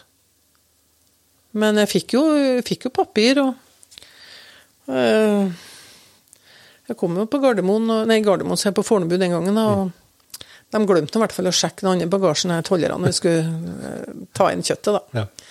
Så det var litt kult, da. Ja, ja. Det skjønner jeg. Men jeg har lamma Heathrow flyplass en gang, da. Ja. Med bjørnkjøtt. Eh, det var kanskje ikke fullt så artig, da. Så jeg var bombe, eller? Ja. For jeg hadde pakka rundt i en sovepose i en sånn bag, sånn som du trekker oppover, da, så det så ut som en rund kule. Du kan jo sjøl tenke deg når du har vært borte fra Norge i x antall uker, og du sitter på, sitter på Heathrow og venter en halv dag på å få flyet hjem, og det eneste jeg tenker på, er kneippbrød og melk Ja. og brunost. Og så plutselig så blir alle flyene kansellert, og så blir jeg, blir jeg ropt opp. Og, og eh, jeg tenkte det var sikkert noe med billettene, da. Så jeg melder jeg meg, da står det jo uniformerte menn, og Ja. Jeg lurte på om det var meg, da. Ja, sier jeg. Ja, lurte på om jeg kunne bli med dem, da. Det var jo, det var jo politi, og det var jo Gud vet hva det ikke var. Da, da følte jeg meg liten, altså. Da lurte jeg virkelig på hva jeg har gjort for noe. Da kom jeg ut, og da sto bagen min langt utpå plassen. Og lurte på om det var min bag. Ja, så er det min bag. Jeg lurte på om jeg visste hva jeg hadde inni den. Ja, så jeg, det vet jeg. Ja, og så fikk jeg se et sånt bilde, da. Og der var det jo akkurat som det var en rund kule inni. Så sa jeg ja, det er bjørnkjøtt. Så måtte jeg lurte på om jeg turte å gå ut og så åpne den bagen, da. Ja, det kan jeg gjøre. Men det, den historien har jeg egentlig ikke fortalt så mange, da. For det var så flaut. Ja, Fikk, fikk du med deg hjem, da? ja, ja. ja. De, de syntes jo det var litt artig, dem, og da etterpå, men det var ikke artig akkurat når det sto på. Nei. Men det er klart, det er jo Altså Jeg har jo lyst til å, skrive en bok om alle sånne historier fra de årene jeg er borte, for det er jo så mye artige historier. det er så mye Jeg husker jeg ene gangen jeg det var bjørn nummer fire, tror jeg, hadde skutt, og da hadde jeg jo vært ute. og var sent om kvelden, vi kom oss ut, og vi hadde vært med han sjefen min ut for å for å, å bare gå over noe område før det kom jegere. Så vi skulle gå og se etter spor og eh, om det var aktivitet. Og vi så jo flere bjørner i løpet av dagen og tenkte ja, dette var bra. Og så plutselig så ser vi tre grizzlyunger eh, ikke, så, ikke så langt ifra oss. Og han bare, vet du, poff! Vi måtte bare slippe oss rett ned i ei vårkald, blaut myr. Og han skjønte jo ingenting. Jeg, jeg, var, jo helt, jeg var jo helt fascinert av de der grizzlyungene. Ja. Men det som var greia, liksom, vi så ikke mora. Og da måtte vi bare ligge der. Vi måtte bare ligge der, og i håp om at eh, hun kom, eh, så vi fikk trukket oss tilbake. Ja. Å, fy fader, jeg skal fortelle deg. Du vet jo sjøl, nok jakter jeg på våren, hvor kaldt det kan være. Og når du ligger der og du kjenner blauten trekke inn gjennom klærne, og du og du ser på de små bjørnungene som er bare som noen sånne teddybjørner. Du har jo bare lyst til å gå og ta dem til deg. Men så kom mor sjøl, da. Da fikk vi beskjed om å Og da, da måtte vi bare Da krøyp vi bakover. Til vi har kommet sånn at vi kunne reise oss. Det var ganske spesielt. Og ikke, da har vi nå ikke børse, ingenting. Ikke? For vi var jo Vi har børse på, på sykkelen. Så det er den som vi kjørte innover. Eh, så det, var jo helt tilfeldig. De, de har ganske mye mer respekt for grizzlybjørn enn for svartbjørn. Ja. Ja. Det, altså Grizzlybjørn er er jo så å si som brunbjørn, ikke sant. Han er jo mye større. Og, og den er jo beskytta. Det, det er ikke mange lisenser. Det er få lisenser på, på, på det. Um, men det, det var jo Det som var greia, var jo at han hadde glemt å fylle drivstoff på den der traiken, så vi, så vi var jo bensinløse inne i skogen. Det begynte å bli skumring, og det er ingen spøk. Så det å synge julesanger i, i mai er ganske spesielt, altså. For da fikk jeg bare, bare beskjed. Han gikk først, og jeg gikk bak, og, jeg, og vi gikk med ladde gevær, og måtte lage masse lyd og greier. Og så runder vi en sving, og der kommer det en bjørn rett imot oss. Rett imot oss, og det var bare sånn eh, Jeg vet ikke om hvem av oss som skjøt den, men vi skjøt begge to. Ja. Eh, og vi fikk jo ikke gjort så mye for at det begynte å bli mørkt, så vi måtte bare merke den og så komme oss ut. Og da husker jeg vi stoppa på en bensinstasjon, og det var liksom luksus, da. Å gå på do før du kom til campen. Og så skulle vi jo spørre etter dametoalettet, og så han der inne bak eh, disken som stod og så på meg, og så sa han ehm, Men use men's toilet, please. Og jeg bare tenkte Nei, men jeg skal på dametoalettet. Her går menn på menns do. Og så skulle jeg til å se på meg sjøl, klinete og svart og sølete og blodete og blodete på hendene og blod For det så jeg jo jeg kom inn på badet etterpå, eller doen. Ja, og, det, og det var jo ikke det, det var ikke så veldig vanlig med, med så mye jenter i, den gangen. Nei. Uh, de første åra vi var der, så var det var veldig spesielt. Ja. Eh, Du, du sa noe om at du har arrangert den første dameturen Ja. på bjørnejakta. ja. Verdens første kvinnelige bjørnejakttur i 95 med ti damer. Det er en erfaring eh, på godt og vondt. Ja. Ja. Ja, Det er, tøft, da. Ja, eldste var 73 år. Ja. Og den eneste som vi skjøt i ulv på alle de campene jeg har vært på. For vi hadde jo lisens på ulv òg, vet du. Ja. Hun var den eneste som skjøt både bjørn og ulv. Det var litt av ei dame. Hun har vært på elgjakt i mange år. Ja. Veldig, veldig mye bra damer, og så er jo noen som kanskje ikke burde ha vært med. Så jeg har nå sagt det litt sånn flåsete, da. Eh, Jeg får sikkert kjeft for det jeg sier nå, men eh, jeg så, nei, i årene etterpå der så så ikke jeg for meg at jeg skulle dra på noen mer dameturer nei, med kjerringer i overgangsalderen og gullvisa. Det var jeg ferdig med. Da er Det er vel kanskje ikke eh, politisk rett å si det i dag, da. Og heldigvis så går jo ting framover. Det er jo mye aktive damer på jakt i dag. og vi har en, altså Det er noe helt annet fokus. Eh, og det er jo så bra at det er sånn at vi har fått uh, jamna ut at det er like mye jenter som gutter som jakter. Ja, det er jo helt avgjørende, rett og slett. Og jeg tror det er veldig bra, ja. Absolutt. Ja, og du har jo virkelig, både på jakt og ellers i arbeidslivet, fått, fått sett og kjent på kroppen hvordan det er når det ikke er likt. Det er jo ikke noe bra. Nei, jeg har jo mista jobben til sjøs fordi jeg ikke ville ligge med Stuarten, eh, for å nevne det. Ja, ja, for det, var, det- for det var ikke noe, noe metoo da, nei. Nei, det var jo min tur da, men det var ikke noen som kalte det det, i hvert fall. Nei, det var ingen som kalte det da. Da fikk vi bare beskjed om at eh, du må jo vente altså, Hva kan du forvente når du drar til sjøs? Altså, hallo? Så, Så godt gjort å komme på seg du. ja. Men eh, det, det var jo en sak på, på eh, Ja, senfredag med en Dan Børge Akerø. Ja, det var var din første TV-opptreden, eller? Eh, ja. To Irish coffee innabords og jækla svett, ja. og det verste av alt, vet du, det var jeg var jo totalt uforberedt på alt det virvaret som var rundt dette. Ja.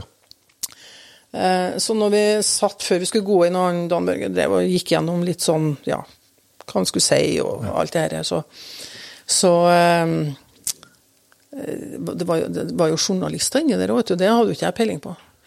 Så du vet, når fredagen var ferdig, og alt det her var sendt, og jeg tenkte ikke så mye mer på det, og så var jeg sånn forferdelig sånn slarvblad den gangen. Det eksisterer ikke lenger, men da sto det med feite typer. Ville ikke ligge med sturten'. Vet du hva, Jeg skulka skolen en hel uke, og jeg gikk ikke utafor døra. Jeg låste meg inn, jeg tok ikke en telefon. Jeg, var helt, jeg hadde helt panikk. Det var så jævlig, altså. Det var jævlig, ja. Men ellers så har jeg jo, jeg har jo fronta forskjellige ting etter hvert, da. Ja. Ja, det, Altså, du har vært en del nede på skjermen òg. Du har vært God morgen Norge. ja, med Wenche har jeg vært, ja. Ja. ja. Flere ganger. Og det har vært utrolig artig. Og vi har hatt og Jeg har vært på Husker ikke hva det heter, for det, men det var jo en eh, Det var en fredagssending, det òg. Vi har servert bjørnkjøtt til fire je- elgjegere, da. Okay. Sønnen til han Staff og Mari Maurstad og, og det her, og det var snakk om jentejakt og ja, litt sånn, så kom var jeg der og ser- serverte bjørnkjøtt. Så det var kult. Ja. Og så har vi jo hatt ja, ja det har vært noen opptreden. Ja. Ja. ja, så var jeg og leste at du lager mat her eh, hver gang vi møtes. Ja. Har du vært noe bjørnkjøtt der, eller?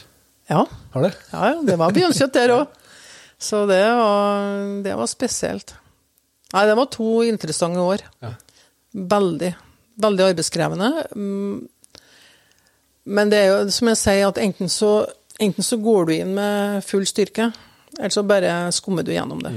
Og jeg er ikke kjent for å skumme ting. Jeg, eh, jeg kanskje blir litt sånn overkill når det blir sånne ting. Jeg, da, er jeg, da er jeg med. Ja. Og jeg, det, er ikke, det er ikke halve alfabetet, vet du, men det er hele alfabetet. Og det, eh, for meg så er det viktig å levere. eh, Eh, ikke, at det skal være godt nok, men det skal være best nok. Um, så det var, det var ganske utfordrende, men det var, men det var jo det er jo opplevelser som jeg aldri ville vært foruten. Og knytta gode bekjentskaper og vennskap, ikke minst, med, med både artister og, og produksjonsfolk. Og, og veldig interessant å se hvordan de lager TV-program. Det var ganske heftig. Ja, for det er ikke noen liten produksjon. Det er jo liksom vært en av gullsteinene til TV 2 i mange år. Ja, Mastiff, som er produksjonsselskapet, har jo det, det var jo ganske heftig, da. Det var jo borti en 80 crew Ja, på de sju artistene. ja tenk det.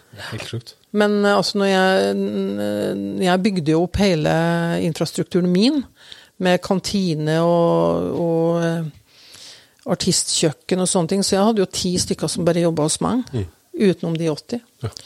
Um, men da fikk, jeg jo liksom Da fikk jeg jo virkelig eh, For jeg husker jeg fikk det spørsmålet om å være kokk. Og så sa jeg at ja, men jeg er ikke interessert i å være noen sånn krusedullekokk. eh, så, så da fikk finne noen andre. Um, så ble jeg jo da eh, bedt på et møte, og, jeg ville si litt om hva jeg tenkte. Da. Så sa jeg nei, jeg vil gjerne servere lokal mat og eh, det som vi har i distriktet her, og, og fremheve det. Og så drev jeg mye research på forhånd da, med artistene, hva de likte og ikke likte, og hva de ikke skulle ha, og alt sånne ting. Og så fikk jeg komponert menyer som jeg følte passa til dem, da. Ja. Eh, og jeg tør jo påstå at det første året jeg var med, altså sesong to, er det desidert det beste produksjonsåret eh, for hver gang vi møtes. Ja. Men det var jo en fantastisk setting med Ole Paus og Anita Skorgan og Kurt Nilsen og Marion Ravn. eh, sant? Morten Abel og Hva kjente jeg da? Men det var, det var, det var, det var, det var helt magisk. Det må jeg virkelig si, altså. Og i mange år etterpå nå, så jeg har jo truffet igjen mange av dem eh, i andre oppdrag, for jeg har jo vært artistkokk eh, i- mange sammenhenger. Eh, det har vært veldig, veldig trivelig, altså. Ja. Men det er, jo, det, det er jo ikke akkurat sånn du prater så mye om, fordi at det, det blir så lett misforstått. Eh, du vet eh, eh, Avundsjuka kan være ei hard sjuke for noen. Ja, det, Ja. det er vel dramatisk for en del, faktisk. Ja, det er det. Så, så eh, ja.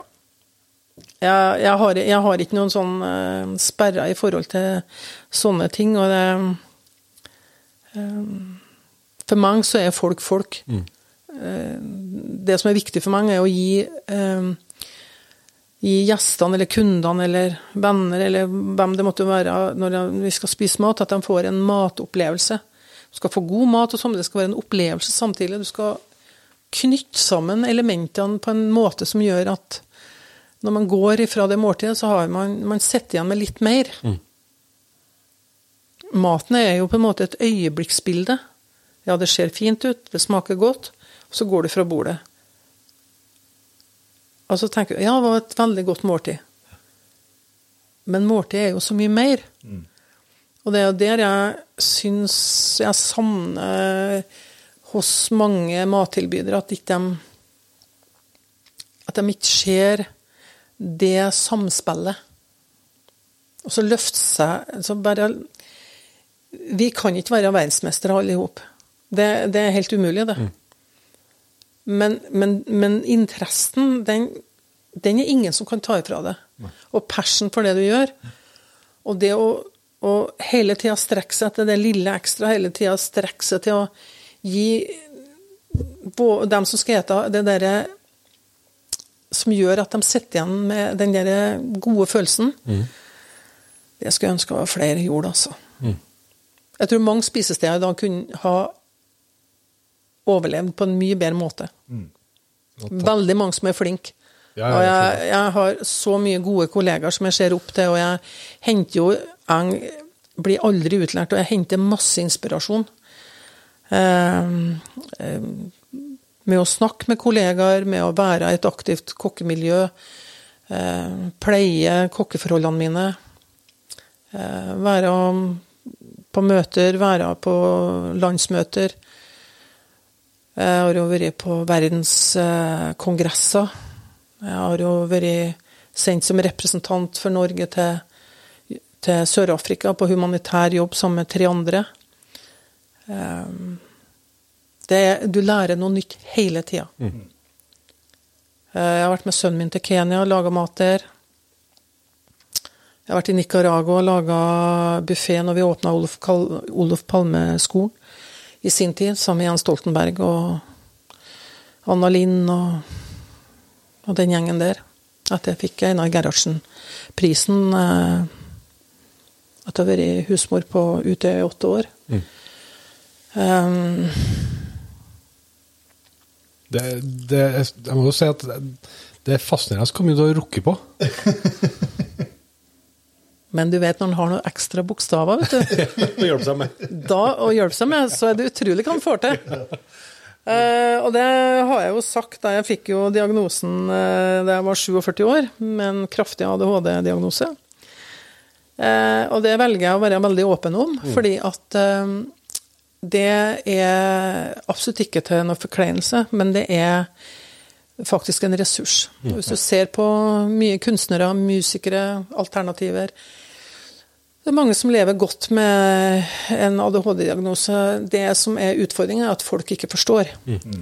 Eh, At folk ikke gir rom for å, å tenke litt utafor boksen. Og kanalisert det på rett måte. Ja. Um, Så jeg er veldig ivrig på Jeg har jo hatt noen foredrag om akkurat det. og eh, Man blir jo liksom dømt nord og ned på mange måter. Skjer en, en del, og det er veldig synd. For med de riktige redskapene så, så har du mye å bidra med. Uten tvil. Ja. Men hvis vi går litt eh, tilbake til Canada, du har jo snakka om bjørnkjøttet og, og beveren her nå. Vi må jo få noen oppskrifter og noen retter som du har blitt favorittene i campen på, basert på de to eh, viltene der som du har blitt godt kjent for. da. Ja, jeg lager jo alltid bjørnegryter. Det gjør jeg. Gode kjøttgryter. Og det som er, er at folk er veldig opphengt i liksom, Ja, men du skal ha en oppskrift eller en resept og sånne ting. det er ingen Det er egentlig ingen fasit. For du kan lese hvilken som helst kokebok, så finner du inspirasjon. Eh, elementene er jo det samme. ikke sant? Du har kjøtt og grønnsaker, du har god kraft. Og det er måten du behandler det på. Må, ikke sant? Skal du lage eh, en god hønsegryte, så bruker du masse løpestikke. Lager du elgkjøtt, elggryte, så bruker du timian og rosmarin. Samme med bjørnkjøtt òg. Bjørnkjøtt i seg sjøl er jo ikke noe eh, Det er ikke noe spesielt smak. Det er jo et mildt kjøtt. Eh, det er jo først på høsten at, eh, at eh, hvis du skal tenke på at det har særsmak, så er det jo ut ifra hva de et. Ja. Eh, og, og på våren så er jo kjøttet tamt. For de eter jo stort sett gress og røtter og etter hvert bær og insekter. Og så bygger de på med, med, mer med fisk og pattedyr utover sensommeren, til de også går på åtsler og, og eh, eh, det som vi kaller for eh, menneskelig mat, altså søppel og sånne ting. Hvis ikke er annen mat. Så, så det er klart at får du en bjørn på høsten som er ja, vært på trashen, eh, så, så, er, så er jo kjøttet etende. Og fullt av trikiner. Så, men eh, som sagt, vi har jo vårkjøtt, og det er jo Jeg tar jo som regel lår og filetkjøtt av, av de yngste dyra. Um, og da gjør jeg som om jeg lager elggryte eller noe annet gryte. Så, så tenker jeg litt annet scenario at du har hatt at ressursene er her til lands, da har hatt trikkentester. Hadde, hadde, er det noen annen måte du kunne tenkt deg å, prøve det på med noe biff, eller behandle fyllene på en annen Ja, men det, det har jeg gjort. For i, den, i den tida vi fikk, lov til å ha med oss kjøtt hjem, Ja. så jeg fikk mye ut av det kjøttet, skal jeg si deg. Ja, og jeg gravde jo veldig mye kjøtt. Ja. Og speka lite grann. Eh, tørka gjorde jeg ikke så veldig mye, eh, men eh, speka og grava gjorde jeg. Og lagde rostbiff, eh, tartar eh, og sånne og ting. Av bjørn, ja. Mm. Og det var jo når jeg var på Vassfarefoten. Og, det var jo, og det var jo så kult, for det var jo liksom bjørneriket, det da, vet du. Um, forfatter Edvard Elsrud, som, som lurte meg til å kjøpe denne Vassforfoten. han var jo Han har jo skrevet veldig mye om bjørn der. Og han brukte å si det. 'Jeg skjøt ikke vennene mine', men det gjør hun. så, så, og, og det var jo det var jo ganske fascinerende å tenke på eh, Vi kom jo fra ingenting, og plutselig så var vi liksom på alle Ja, i blader og gud vet hva ikke var hen. Um, og vi var til og med på NSB sitt uh, streiftogblad i det året, så vi, vi, vi brukte jo ikke penger på reklame, ingenting, vi. Nei. Det kom folk fra Bergen, det kom, altså Oslo Det var altså Ja. Vi hadde 60 sitteplasser, og uh, på søndagene så kunne vi ha opptil 200 middager. Ja.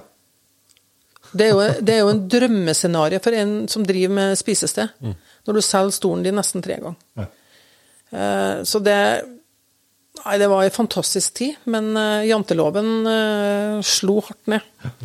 Så da dro jeg til, til Rygge, der jeg var far og jeg opprinnelig kom ifra, da. Og så etablerte jeg meg med cateringa der. Men Vi snakka litt om det før her, og i forhold til sånn spesiell, sånn kan jeg kalle det spesielt kjøtt, da, som, som bjørn og bever. Du er ikke noe fan av å legge melk, eller Nei, det, det er litt sånn misforstått, syns jeg. Ja. det at hvis du så jeg- Ta en bever, da.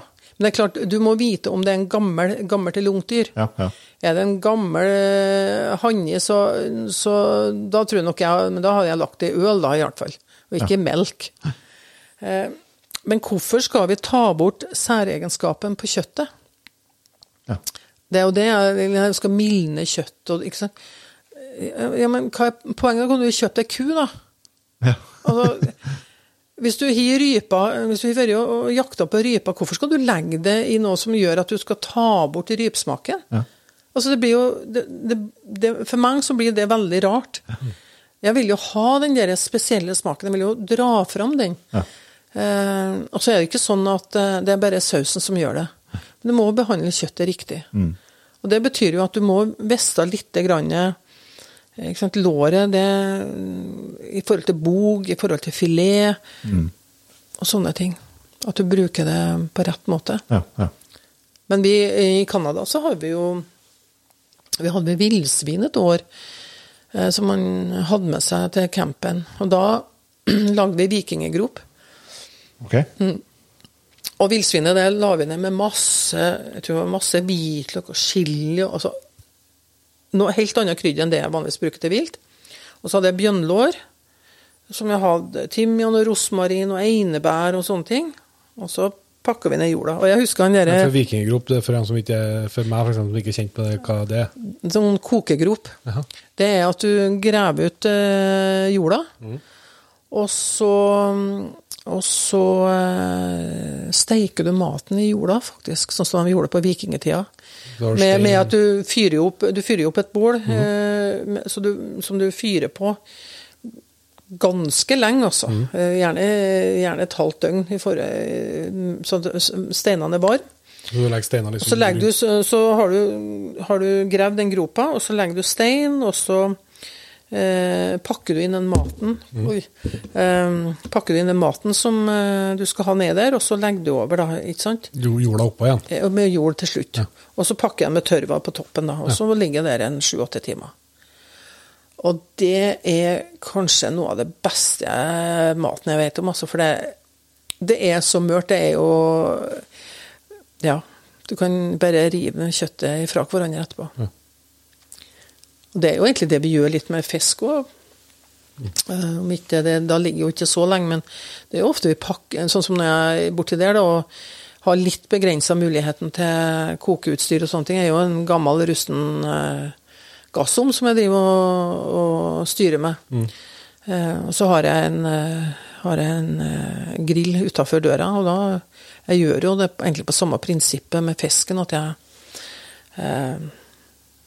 eh, krydrer og gjør alt det og har masse godt inni, og så legger jeg matpapir, og så blaut avispapir, og så folie, og så legger jeg det inni, inni på rist over gløren. Ja. Og det med blaut avispapir det lærte jeg av mormor. Ja. Vi gjorde det når vi var i fjellet, for vi hadde jo ikke noe aluminiumsfolie og sånn den gangen.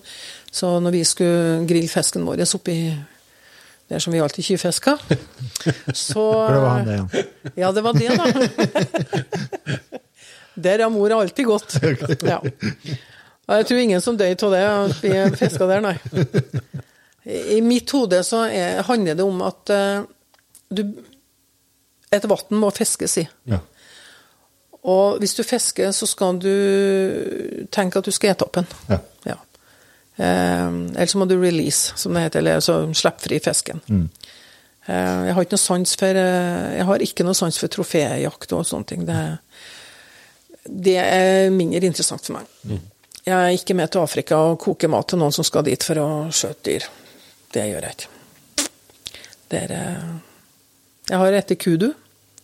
Etter krokodille. Eh, og så spiser jeg sikkert mye som ikke jeg vet hva var. Men det er, var jegere som hadde jakta, og som lagde mat mm, når vi var i, i Johannesburg. Så det blir litt annet. Men eh, ikke sånn troféjakt. Nei, det syns jeg ikke noe om. Jeg, jeg har jo et, eh, det er jo litt spennende, så jeg har jo et matprosjekt gående eh, mens vi sitter og snakker nå. Så kan jeg jo for, for, kanskje få dommen på om det, om det, Om det blir vellykka. Ja, om det kan bli bra. Jeg, har en, jeg, jeg gjorde et forsøk i går kveld, så hadde jeg en, en hel nakke av en elgkalv. Eh, Så tenkte jeg at jeg skulle prøve noe nytt med den, så jeg tok og krydra og styra litt med den og satte den i kjøleskapet over natta. Og så satte jeg den i stekeovnen i morges eh, i halv åtte, sju halv åtte-tida. Ja, jeg står på 80-90 grader, og så har jeg tatt, lagt en eh, folie over, og så har jeg noe, litt øl og forskjellig nedi der eh, panna. Så tenkte jeg jeg skulle stå der til ja, i hvert fall et døgn, da, kanskje ett og et halvt døgn nå. Og i håp om at det skulle bli en slags sånn uh, pulled mus. Der det kan dras under og lage sånn mm. burgergreier av det. Trullet mus. Ja, Tror du det kan funke? Ja eh, Nå er det vel en del bein i Ja, det er hele, hele nakken. Ja, og da har du veldig mye bein i, i nakken. Ja. Eh, det behøver absolutt ikke å bli så gærent, det. Nei? Men du må være litt obs på temperaturen. Ja. Hva du mener jeg skal ha lagt meg på? Nei, det eh, Du vet at elgkjøtt er jo magert, så det kan bli litt tørt. Ja. Mm. Så det lønner seg å, å ause over søa litt i, i, underveis. Men det er klart på Jeg skal komme meg hjem en tur. Blir ferdig her snart, så du får hjem. Men du vet, det det, det er jo mye av de metodene der er jo det vi bruker på sovid. da. Ja. Og da, da bevarer du faktisk enda mer eh, smak i, i kjøttet. Mm. Mm. Ja, det, for jeg så for meg det, at jeg skulle rive seg til slutt, og så sile den søa som eh, er på under. Da har jeg hatt oppi litt hvitløk og løk og forskjellig den. Mm. Og så blande det sammen til slutt, da. Så at jeg kanskje fikk tilbake litt eh, hvis, det, hvis det blir tørt, da. Mm. men det kan du prøve. Og i hvert fall bra god kraft, da. Ja. Mm. Det, vi snak- vi snakka om på nøykjørt litt, for det er jo vanskelig med sånn som eksempel nakkene på ja, så kan jeg si elgkalv og hjort og rå- rådyr. Mm. Det, det er jo det er en bra kjøttbit på et vis, men det er jo så mye bein at det blir jo det er jo det er ikke noen store kjøttbiter, liksom, på nakken. Nei, men eh, du- eh, når du renser det, så blir det jo noe av det. Men det som kan være eh, Altså, ting utvikler jo seg. Og det her med sous vide, det å koke i pose og sånne ting, eh, kunne kanskje være en idé på det. For da blir det kanskje ikke så tørt. Nei. Men det trenger ikke nødvendigvis å bli tørt når du har lav varme heller. Nei. Men en skal være litt obs på at det må ikke bli så lav varme for vilt har en tendens til å levre seg Ja. når eh, det blir lav varme, når du steker på langtidssteking. Mm. Bare så en er litt obs på det. Det er nok noen som har gått i fella på det. Ja, for at jeg, jeg har kjøpt inn eh, Eller jeg har noen burgere liggende på luringa i tilfelle det skjer seg. det har ikke helt sånn Men, jeg, jeg, ganske, jeg, men det er jo den, den pull pork-greien har blitt veldig populært. Det er jo, veldig- er jo veldig godt. Så jeg har jo et håp om å få til noe lignende. da. Men du må huske på at det er ofte av gris, Ja. og den er feit. Mm. Så det, det er eneste stedet, men uh, Hvis du skjøt ut så elg, så er det et fett på emma. ja. Det var det. Så jeg har litt med Britt, at eh, er ikke noe for, er ikke noe for meg. Nei, men dess mindre dyra er, dess bedre, bedre er de jo. Så klart Kjøttkvaliteten på en kalv er jo, er jo fantastisk. Det er jo det. Men når jeg leser i boka di, så ser jeg at du skriver eh, i mange oppskrifter at skriver du godt mørna kjøtt. Hva legger du når du snakker om elg eller hjort eller uh, rein for den del? Altså, hva legger du i, i, i det begrepet? Vi er jo vi jegerne er jo oppfostra med der 40 døgngrader. Det er, altså, det, er 40 døgngrader er det godt uh, mørna kjøtt i, i din verden, eller er det mye eller er lite, eller? Det spørs, på, det spørs helt på temperaturen. Det er klart det er ti varmegrader, så eh, er det jo helt uh, vanvittig å henge kjøttet, ikke sant? Jeg skal fortelle om en elg som vi fikk tak i når vi var på Vassafoten. Fikk den i slutten av oktober. Og det var en stor elgokse. Og den hang vi opp uh, i, uh, i en sånn telt. Uh, det var en utrolig værmessig bra høst. Tørt vær. Veldig fin temperatur. Så vi, vi gambla på å gjøre et eksperiment. Og det var at vi skar ned de stykkene som mm, trengte minst mørning først. Og til slutt så hang vi igjen med låret. Og den tok vi ned i midten av desember. Da Oi, hengt, da det hengt ifra, ifra, um, ifra slutten av oktober. Det er det beste kjøttet jeg noen gang har rett i. Det var så mørkt at det var helt eh, Og det som vi gjorde, da, det var når vi skar ned ifra den, det var at vi vaska over eh, kutt, Flatene? med eddikvann. Eh, og vi hadde den jo i pose og alt sånne ting, så det kom ikke noe flu eller noen ting til. Men det Og jeg husker vi hadde noen, noen kunder som skulle ha, og de, de trodde ikke på oss, vi måtte vise dem det. Og den elgsteka er det mest fantastiske jeg spiser. Og det, det, det sa meg noen ting om at 40 døgngrader, ja, det er en sånn tommelfingerregel. Men inntrykket mitt er at man mørner kjøttet altfor lite. For det er altså så travelt med å dele opp den elgen, og skal fordele på antall jegere, at de er jo helt eh, svette i panna, folk. Og så er, eh, og så er det noe med det at ja, nei, han skal ha en bit av det og en bit av det og en bit av det. Kan vi ikke vente og se hva de får elg først, da? Og så del et lår, Og så del det sånn som det skal gjøre. Altså ikke det å kutte i hytt og pine. Det er ikke noe rart de bare et karbonader og, og småsteik og gryte. Det, blir ødelagt så mye kjøtt, og det syns jeg er så trist. Eh, så det er klart, i, i, tillegg til at du har vakuumteknikk i dag, som jeg absolutt syns jeg er en, eh, er en, investering for folk som, som jakter mye, mm. Sånn at det ikke kommer luft til kjøttet, så, så, så bevarer du jo så mye bedre når du fryser det òg. Mm. Men akkurat det med å, å henge kjøttet syns jeg at, eh, at, de, at det blir gjort ja, jeg syns folk er litt tallete til det. Man kunne godt ha vært litt tøffere på den mørninga. Men, men, det er avhengig at du, du, kan det her med temperatur ut og, og luftfuktighet og mm. sånne ting. Så det er jo en liten vitenskap på det. Ja. Eh, det er det. Men det, hvis, du, hvis, du, får til ei sånn fin, fin tørking mm. Det er jo utrolig hva lenge det kan henge da. Ja, og det, det, er jo mange som har investert i kjølerom og sånn òg. Ja. Og da har du jo fullstendig kontroll på ja. det. Men det, det, lønner seg da etter hvert å på en måte ta ut midtstykkene og ja, henge lår og, og bog. Eh, låret bør henge lengst, da. Ja, for jeg har, husker jeg spesielt en høst at vi Da bodde vi på hytt som lå oppe en kolle, så det var veldig til vinterdekk. Mm. Det var tørt og, tørt og mye vind gjennom hele første uka av elgjakta. Mm. Og øh, den kalven vi skjøt første dagen, den var, så det var ferdigtørka. Mm. Sidene på den, liksom. Mm. Og husker den oksen som hang der òg, den var Det var alvor til tørking på, men den kalven den, det var bare å skære en bit og ete. Ja. For det var Ja, nei, det Så, så det med, med bær og vind og temperatur og alt dette her, alt har jo en sammenheng. Ja. Ja, det er klart, eh, Jeg så jo eh, sørpå, vet du, men jeg kjøpte jo aldri elg, det, for det var jo Kunne jo like gjerne kjøpe ku, for det var jo bare kønnsmak. Ja. Eh, men der var jo veldig mange som har kjølerom, da. Ja. Mm. Så ja. Ja, for det er stor forskjell på sesongene, sånn som det har vært her i år. så har det vært, det har vært fuktig vær mm. fra starten på jakta, og det er jo det enda. Det har knapt nok vært tørre dager. Ja. Så det har liksom vært enda mer å følge med på. Mm. på Men det, jo, det, kan jo være greit å bruke, bruke sånn vifte, sånn ja. kaldvifte, ja. eh, når, man har, eh, når det er så fuktig i været. Mm. Sånn at du får den der gjennom Sirkulasjon, liksom? Ja, det er det. Så du sier altså noen av oss som har eh, kjølerom som holder fire grader, da. Et, eh, et elglår det kan henge utrolig lenge, da.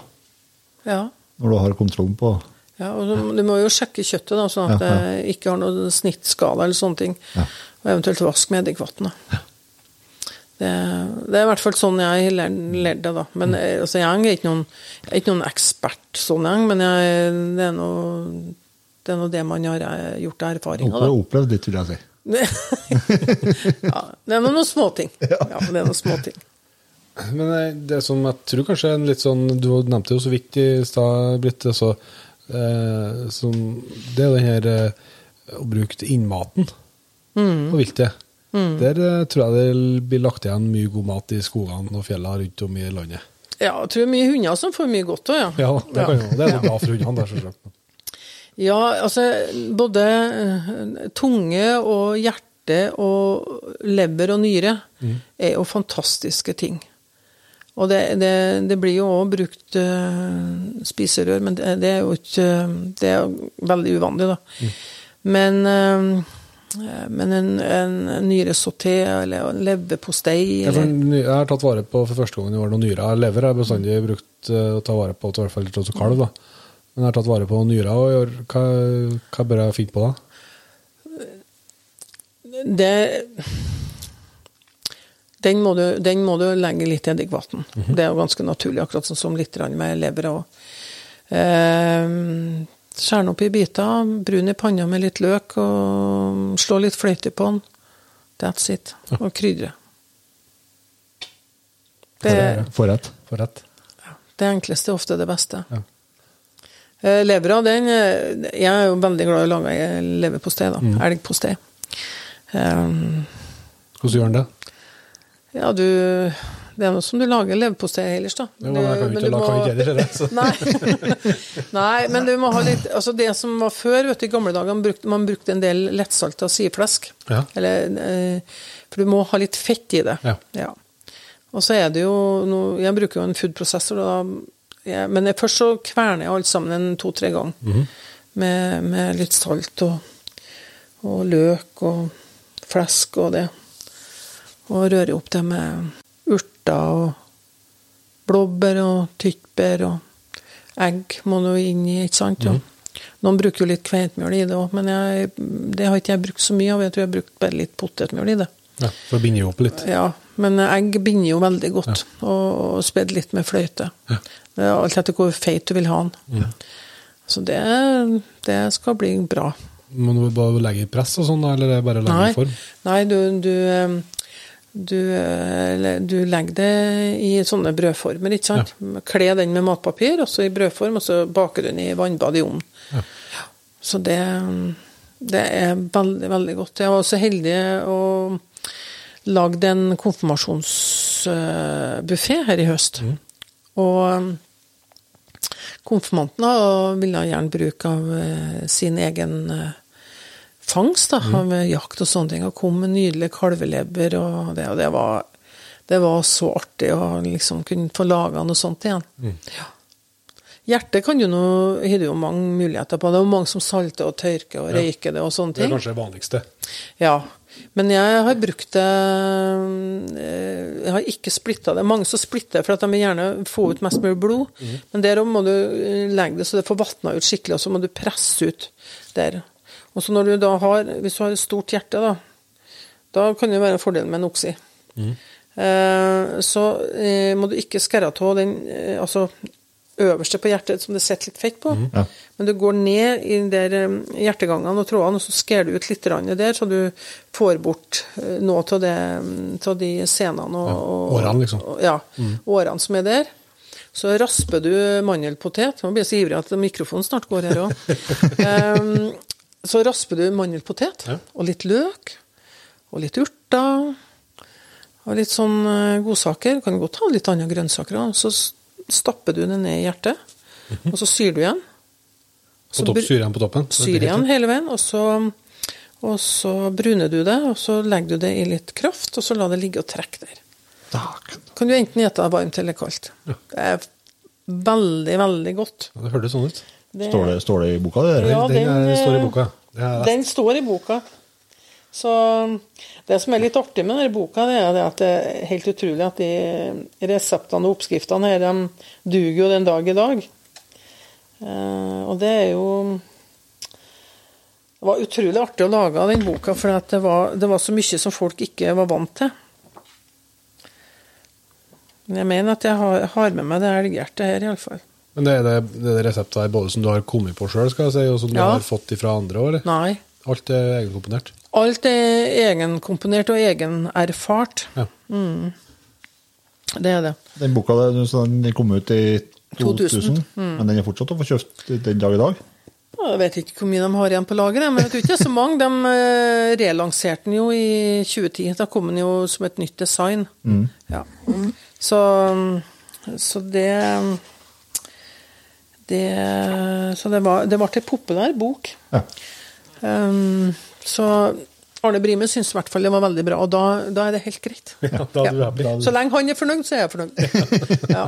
Nei, men han er jo en storprodusent av bøker, og han sa jo det den gangen at eh, For han lurte på hvor mange bøker jeg har solgt. Og på det tidspunktet tror jeg vi hadde solgt 20 000-25 000 bøker. Det det. Og da sa han det at eh, du er klar over at uh, førsteopplaget er som regel på 3000-5000 bøker. Så mye bøker får ikke jeg solgt heller, sånn, hvis ikke jeg er firmaavtaler eller sånne ting. Så jeg tok nå det som et veldig bra kompliment.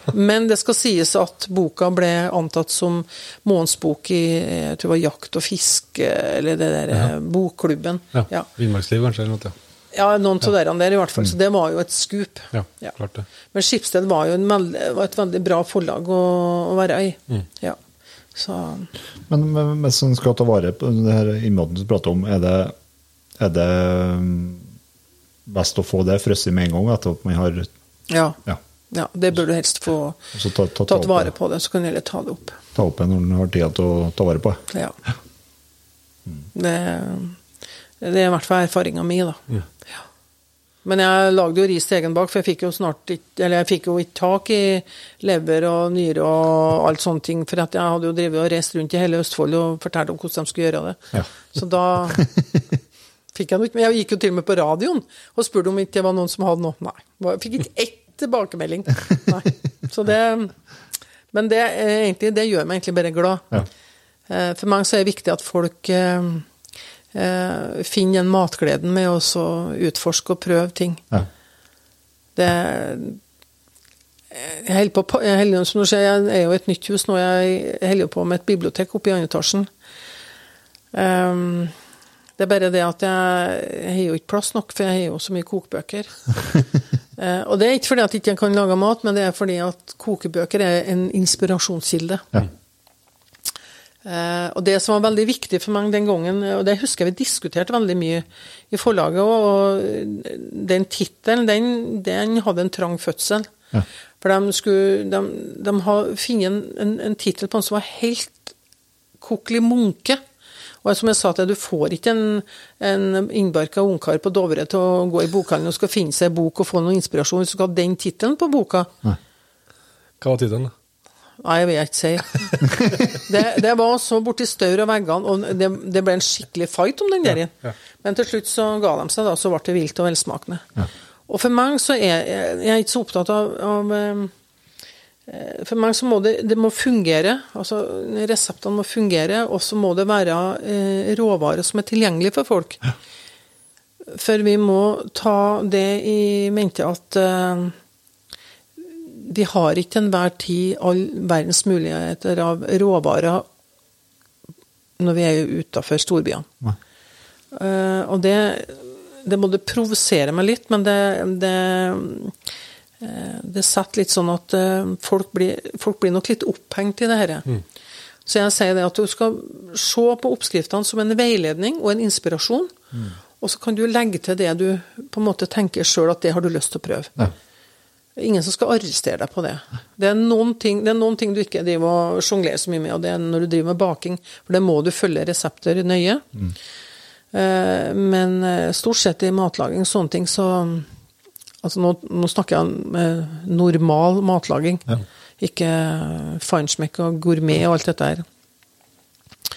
Eh, Ja, for så, det jeg var et kjempegodt poeng, for eh, det er som for eh, jeg også som bor litt i, litt i utkanten, man kunne si, så er det det når du googler en oppskrift på et eller annet du har tenkt å lage, så kan du forbanne deg på at det det er noe der som du ikke har. Yes, og det er jo gjerne det er veldig, og det er forståelse for det. Altså, det er mye butikker og, og leverandører som har oppskriftssida for at de skal pushe sine egne saker, og det skjønner jeg de skal leve av dem òg. Men det er jo sånn du sier, det er veldig bra med den boka der, og, og helt sikkert flere bøker også, men eh, det med at du, det er tilgjengelig i stort sett samme hvor du er så du får laga den retten. Du får prøvd det. Ja. Eh, du vet, når vi 2000 Vi begynner jo vi begynner jo å bli litt gamle i forhold til den boka. Den boka er jo, er jo egentlig litt eh, blitt litt sånn sirumpa nå. Det skjer jo. for jeg har jo kunne ha tenkt meg å gjort en del ting annerledes.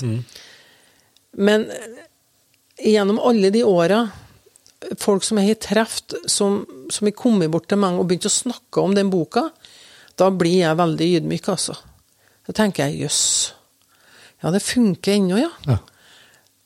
Og det er den boka de har i bokhylla si, og det gjør meg jo utrolig glad. Mm. at, eh, at jeg traff sånn som jeg ønska med den boka, da. Klart det. Um, og jeg hadde jo en veldig bra redaktør òg, som, eh, som uh, hjalp meg. For vi kokkene vi har jo liksom Vi tar eh, litt av det og litt av det, men alt måtte jo ned i teskjeer og Ja. spiseskjeer og sånne ting, for å Sånn at uh, de som skulle bruke boka, uh, hadde litt å gå etter. Klart det. Men vi er forskjellige når det gjelder smak, sånn at eh, jeg ikke noe Jeg arresterer ingen eh, i forhold til, til om de vil legge til noe annet eller trekke fra, eller sånne ting. Nei, det må jo være Ja. opp til hver enkelt. da. Ja, jeg syns det er viktig. Mm. Og du kommer langt med et godt stykke kjøtt og, og, og, og eh, vanlig gode grønnsaker. Eh, gjør du. Det er problemstilling eller eh, mulighet eh, som mye jegere har i disse dager, tenker jeg, det er jo at det, er jo at det skal begynne å røykes og tørkes og spekes. Mm. er- Og graves. Og graves, ja. Det er jo sesong for det nå framover mot jul her. Eh, hva, hva er dine tips? Eh, noe som jeg for eksempel lurer på, det er eh, om, det skal, om det er bra å bruke hva, som, hva du syns prefererer av tørrsalting og bruke laka, for eksempel?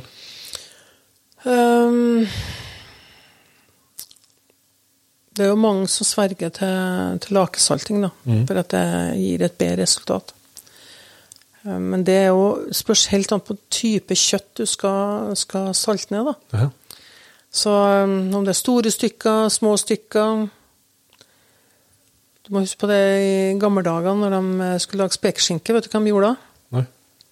Da la de den i dørstokken, der som du gikk inn og ut, og trødda på. Lå, lå under kledet, da. Jo, jo, jo. Ja. Eh, I salt. det lå, det lå litt salt på til å begynne med. Ja. Og det var for å, å tråkke ut vest, altså blod. Altså, Og så eh, mørna det litt, og så fikk det litt juling. Ja. Så det satte i gang prosesser. Det var som regel tørrsalting. Mm. For da trødde de i det saltet. Um, nei, det, det, det er vanskelig å si hva som er rett og galt, men jeg tenker at du må ta utgangspunkt i type kjøtt. Stort eller lite stykke kjøtt. Eh, Det er jo godt en inflasjon i å røyke nå og alt dette her òg. Alt skal jo røykes. Um, eh, når det gjelder vilt, så er jo um, jeg, har jo vært avhengig av å kjøpe en del elg og sånn, f.eks. varmrøkt elg og sånne ting. Men det jeg opplever, er at det har jo vært lakesalta, og det er så salt, og det er Altså, det er ikke godt i det hele tatt. Det, jeg, tror nok, jeg tror nok at hobby, hobbykokkene gjør det faktisk mye bedre med at de, at de salter og røyker litt, ja, og lar det tørke litt. Tørking er jo egentlig en Både tørking og salting er jo eldgamle konserveringsmetoder. Eh, saltet kom, når vi først fikk saltet, så opp, oppdaga de jo at det tok jo vare på kjøttet. da. Mm. de la jo ned kjøtt i saltbutter og alt sånne ting. Eh, tørkinga er jo eh, Nå skal ikke jeg være sånn skråsikker, men eh, mitt inntrykk er at det er jo veldig mye av samene som tørker kjøttet. Det var jo deres måte å konservere ting på. Og det, og det var jo så ideelt, for de var jo i, i, i klimaforhold som gjorde at, eh, at kjøttet ble så bra. Um, så eh, de lærde strides jo veldig mye om hva som er best og ikke best. Um, Nå har jeg, ikke, jeg, nå har jeg aldri skjønt det i fare, for å høres ut som en idiot, og det er jo ikke første gangen. Men eh, det er jo, hva er forskjellen på tørking og speking? Er det, er det, det, det, er to forskjell- det er to forskjellige ting. Ja, men hvorfor er det? Uh, speking er jo mer uh, Altså tørking, da, da tørker du jo uh, særlig i det herre eh, Det henger jo et kaldt og tørt klima. Og spekingen, det, det er jo der man bruker den der lakesalta. Lakesaltet, men den bruker en mye sterkere saltemetode. Ja. Ja. Sånn, at det kan, sånn at det kan henges varmere Ja. uten å surne? Ja det, det, Du må jo henge det på et tørt og luftig sted en fem-seks uker etterpå likevel. Ja.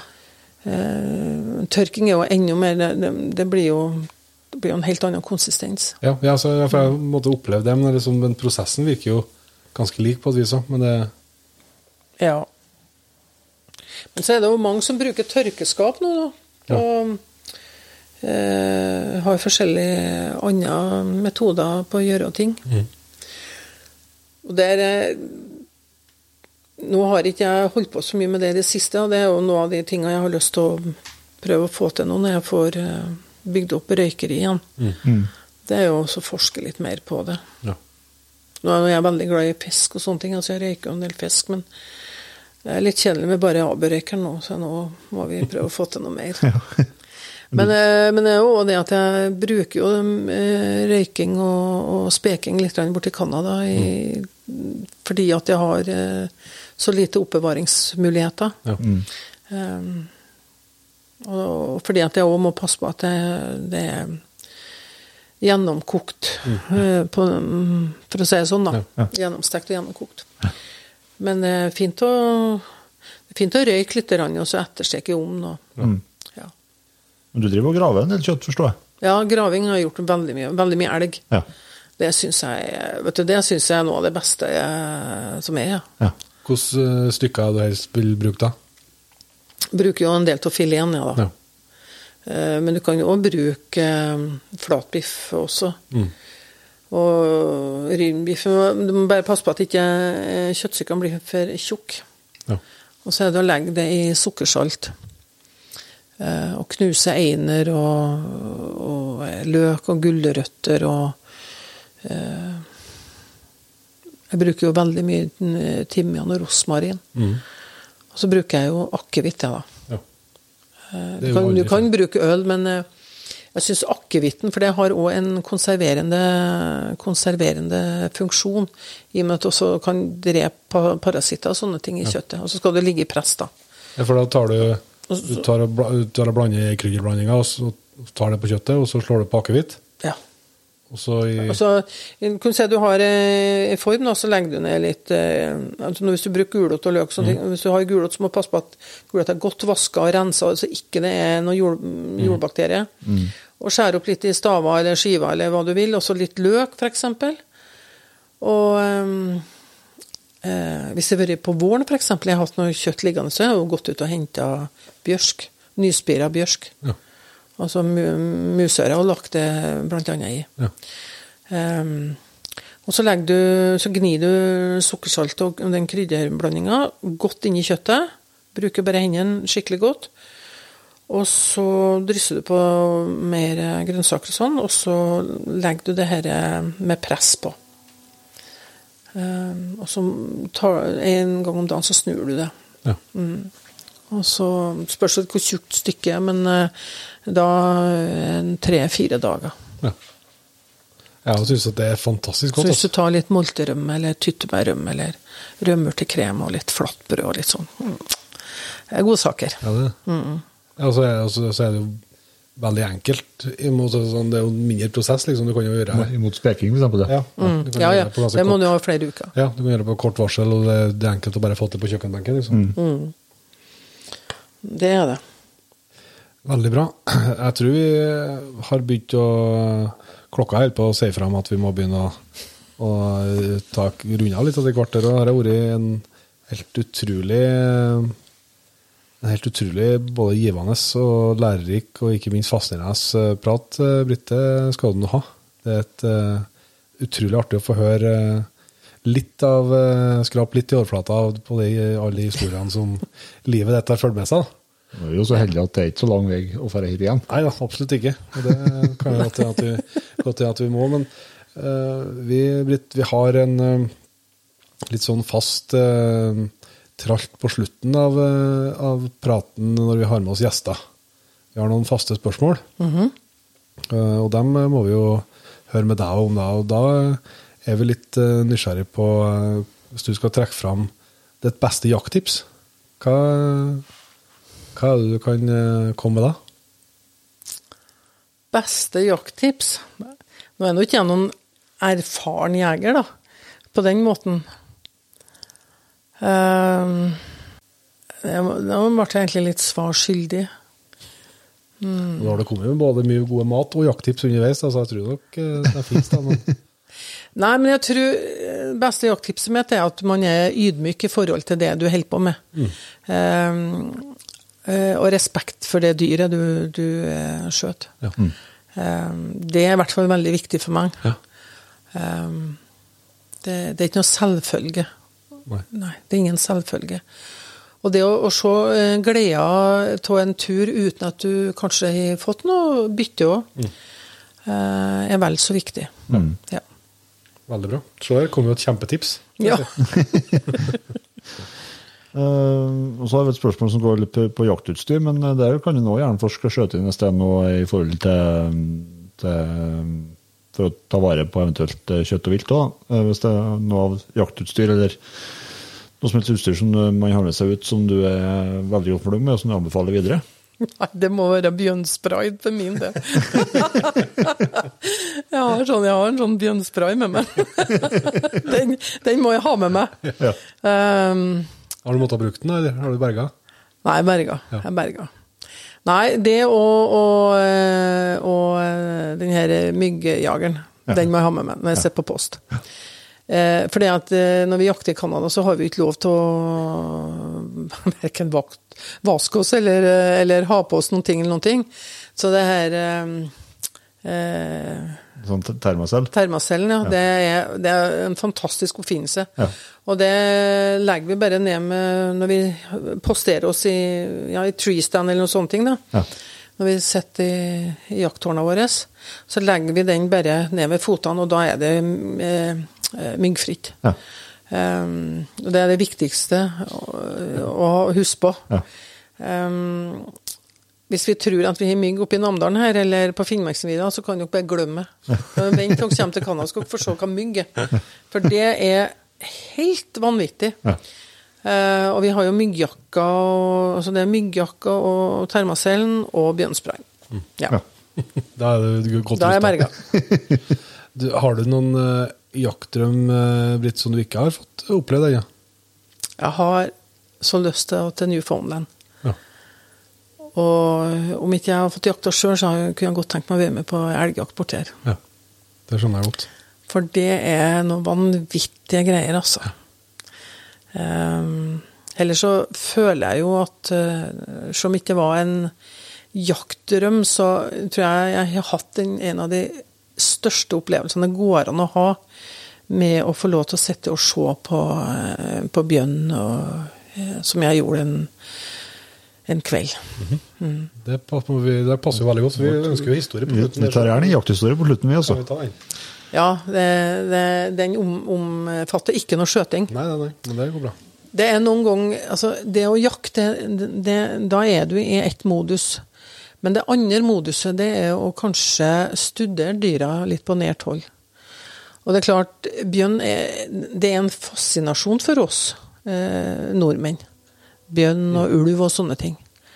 Eh, ulven er jeg redd, men jeg er, ikke, jeg er ikke redd bjørn på samme måte. Og jeg har hatt så lyst til å sette på post, bare liksom fått sett på bjørn. Og så var det helt tilfeldig at uh, ene guiden vår var ledig, og så sier han det. Nei, men jeg skal ta deg med ut, ja. Så skal vi dra ut i kveld, for at vi gir en post som vi vet at uh, det er ei binne med tre unger, og der får de ikke lov til å jakte. Så det kan hende at vi kan få lura fram dem. Så vi eh, dro ut og hadde med oss eh, litt eh, tranebær og litt honning og litt Oreo-kjeks og sånne ting. For det, for det er jo, jeg må jo si det at vi må jo beite fram bjørn når vi sitter på post. Og vi bruker ikke slakteavfall, ingenting sånn, men han får mye Han får svære kasser fra kjeksfabrikker og godterifabrikker og sånne ting. Søtsaker. Og søtsaker, for de elsker jo det. Så vi Så Alex heter han guiden. Og eh, vi kom nå ut da, og parkerte bilen og gikk nå inn. Og, og så sa han du får gå på settet. Det var, det, var, det var rett og slett bare en sponplate som var i en sånn trekant, og så var det en presenning over hodet. Så var det akkurat sånn du kunne sitte og se i det. Og så var det delvis åpent bak oss med fire trinn opp, og så satt vi på hver vår stol.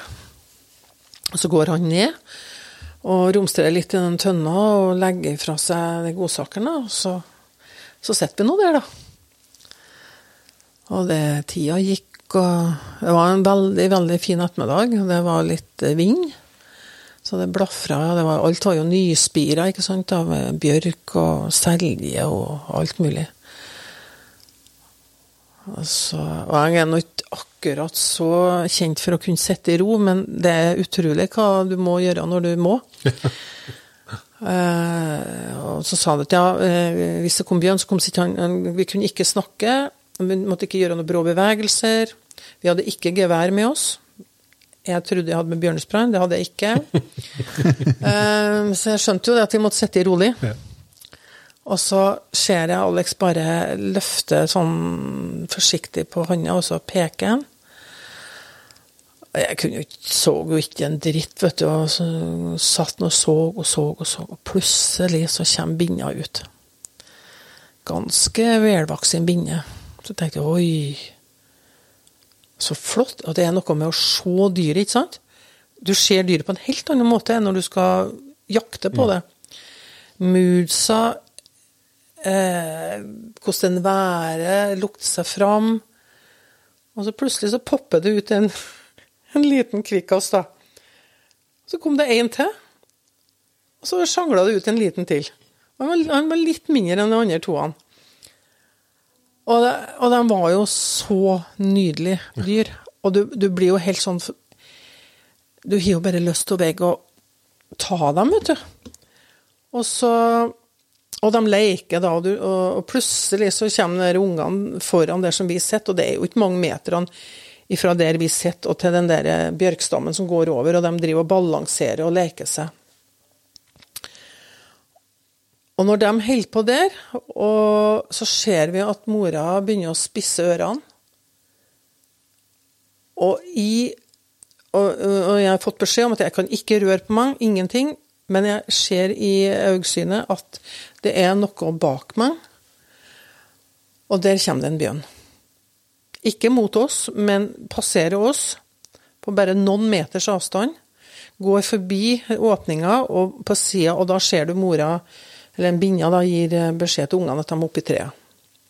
Så står de to bjørnene og måler krefter, da. Mm.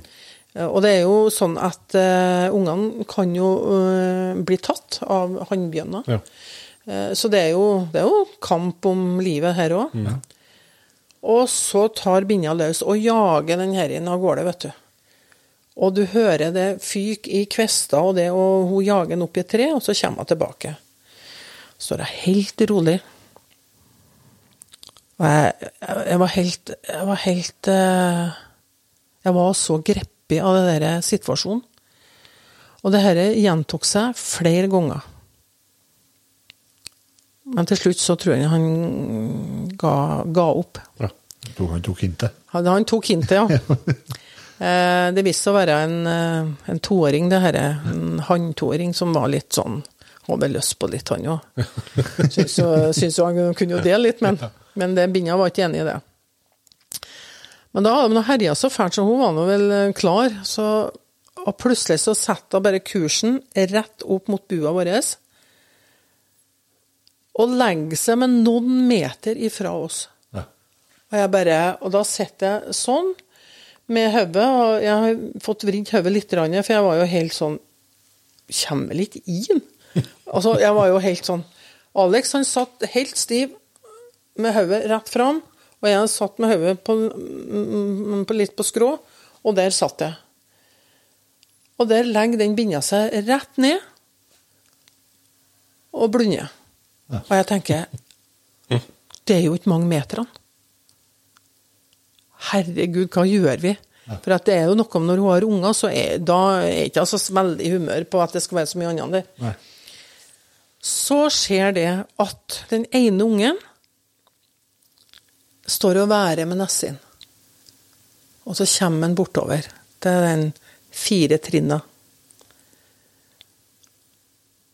Og, og, jeg, og, jeg, og, du ser den lille Nessin går som en sånn radar. Og Bjørn ser jo veldig dårlig, så, og nysgjerrig var han jo. Ja. For det jeg kom på da, det var jo det at han, Alex hadde jo vært ned med de sukkergreiene. Men han hadde jo sikkert tråkka inn, så det var jo lukt etter det ja. inn til oss. Og så kommer den nærmere og nærmere. Og så går den ene lille poten altså, Kan du tenke deg en litt sånn forvokst schæferkvalp? Så, sånn, sånn, var jeg. De der potene Først på ett trinn, så på ett trinn til, og der står den. Og den nesten den går som en sånn liten radar, og tenkte jeg Hm, Akkurat som han sa Og hvem er dere, da? så kommer nummer to etter. Og liksom 'Hva skjer Bagheera'. Og han liksom, liksom kvikkast da, og tenkte han skulle være med opp, han òg. Og så løfter han den der lille tassen, da, poten opp på det øverste trinnet, og så står han og måler. Dere må tro det eller ikke tro det, for dere velger. Men hadde jeg tatt den handa mi ut sånn, så kunne jeg ha tatt den på hodet. Og jeg var helt tørr i munnen, og jeg, og jeg tenkte at jeg må ikke hoste, jeg må ikke. Og, og svetten begynte å ringe, og jeg kjente på ryggen, jeg var, jeg var helt svett. Og jeg tenkte nå må dere gå, dere må gå. Og så ble han nok, nok litt nervøs, så da bakka han tilbake, og så sprang de tilbake til binna som lå der, da. Og den unge nummer tre den var så liten, så den, den holdt seg der, da. Rammebinda. Ja, og jeg bare Hva har jeg egentlig opplevd? Ja. Hva er det jeg har opplevd? og, og, vi, og jeg har hatt kink i nakken siden, så jeg må jo gå til fysioterapeut ennå en dag i dag. Eh, og så reiser hun seg opp. Og vi sitter akkurat som vi er forsteina i de samme posisjonene. Og så bare tar jeg en sving, og så går jeg opp der. For det, det er en litt sånn bakketopp der. Nå tar jeg med de tre ungene, da. Så hører vi akkurat som det er sånn flapring som det skulle være et helikopter, men da ligger jo de ungene. Ja. Og, og da jeg liksom klarte å få ned pulsen litt, og ja, fikk sverd litt. Så begynner det jo å bli skumt, og da, du bør komme deg ut av skogen, da. Og i hvert fall når du ikke har børs eller noen ting. Men vi hadde jo Vi hadde jo nummer fem. Altså den som Ja, ja. og jagde. Ja.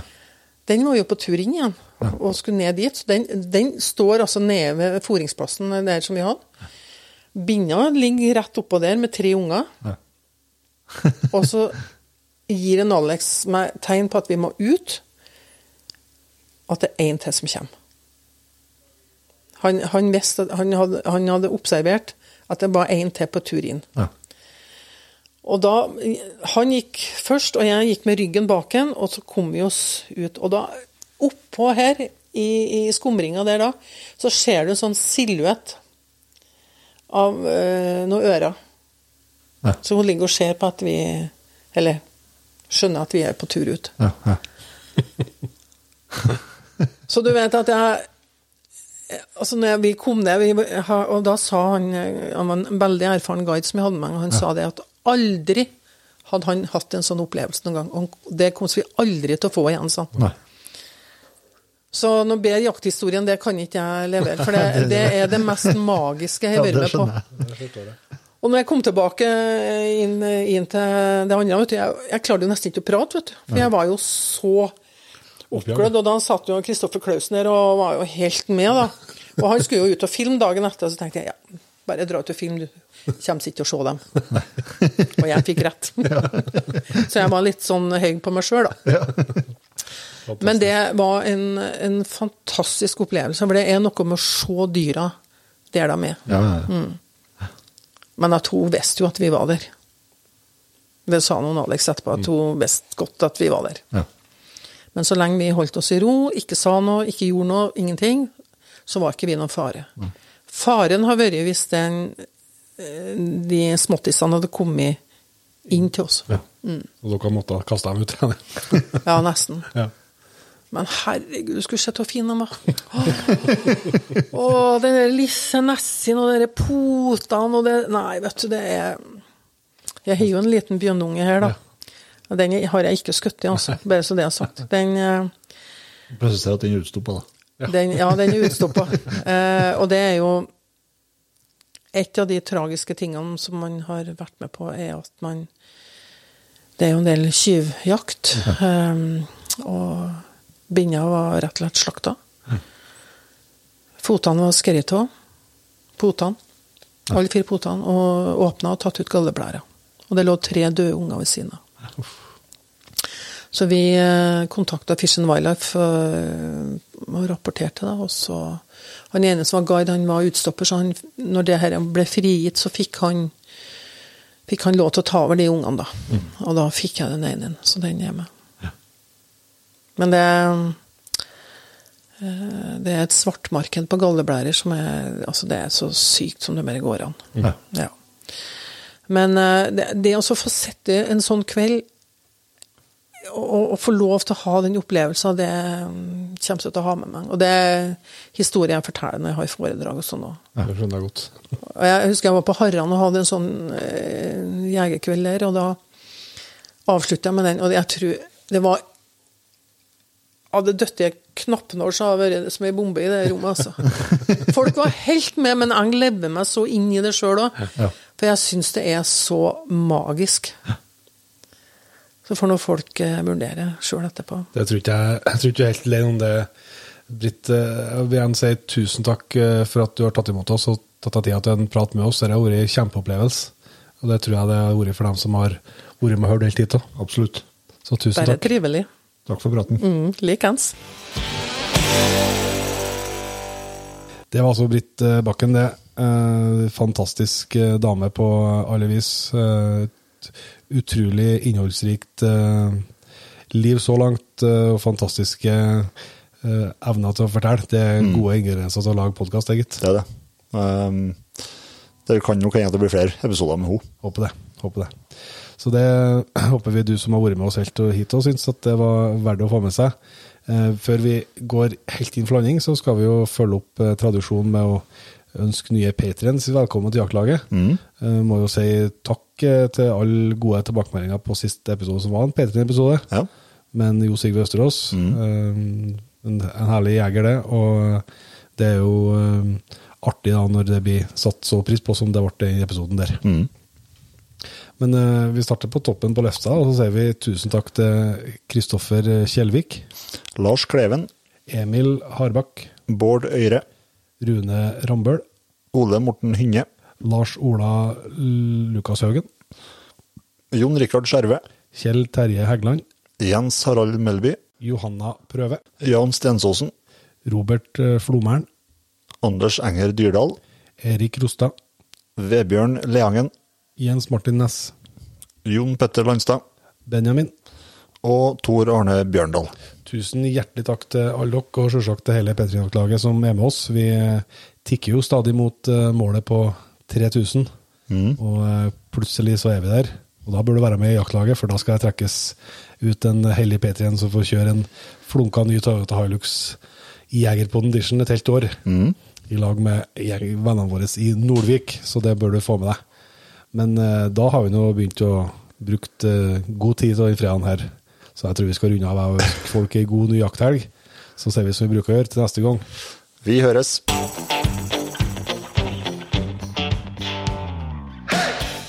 Tusen hjertelig takk for at du valgte å bruke litt av tida di på Jegerpodden. Sjekk ut jegerpodden.no eller din favoritt favorittpodkastspiller for enda mer innhold og flere episoder.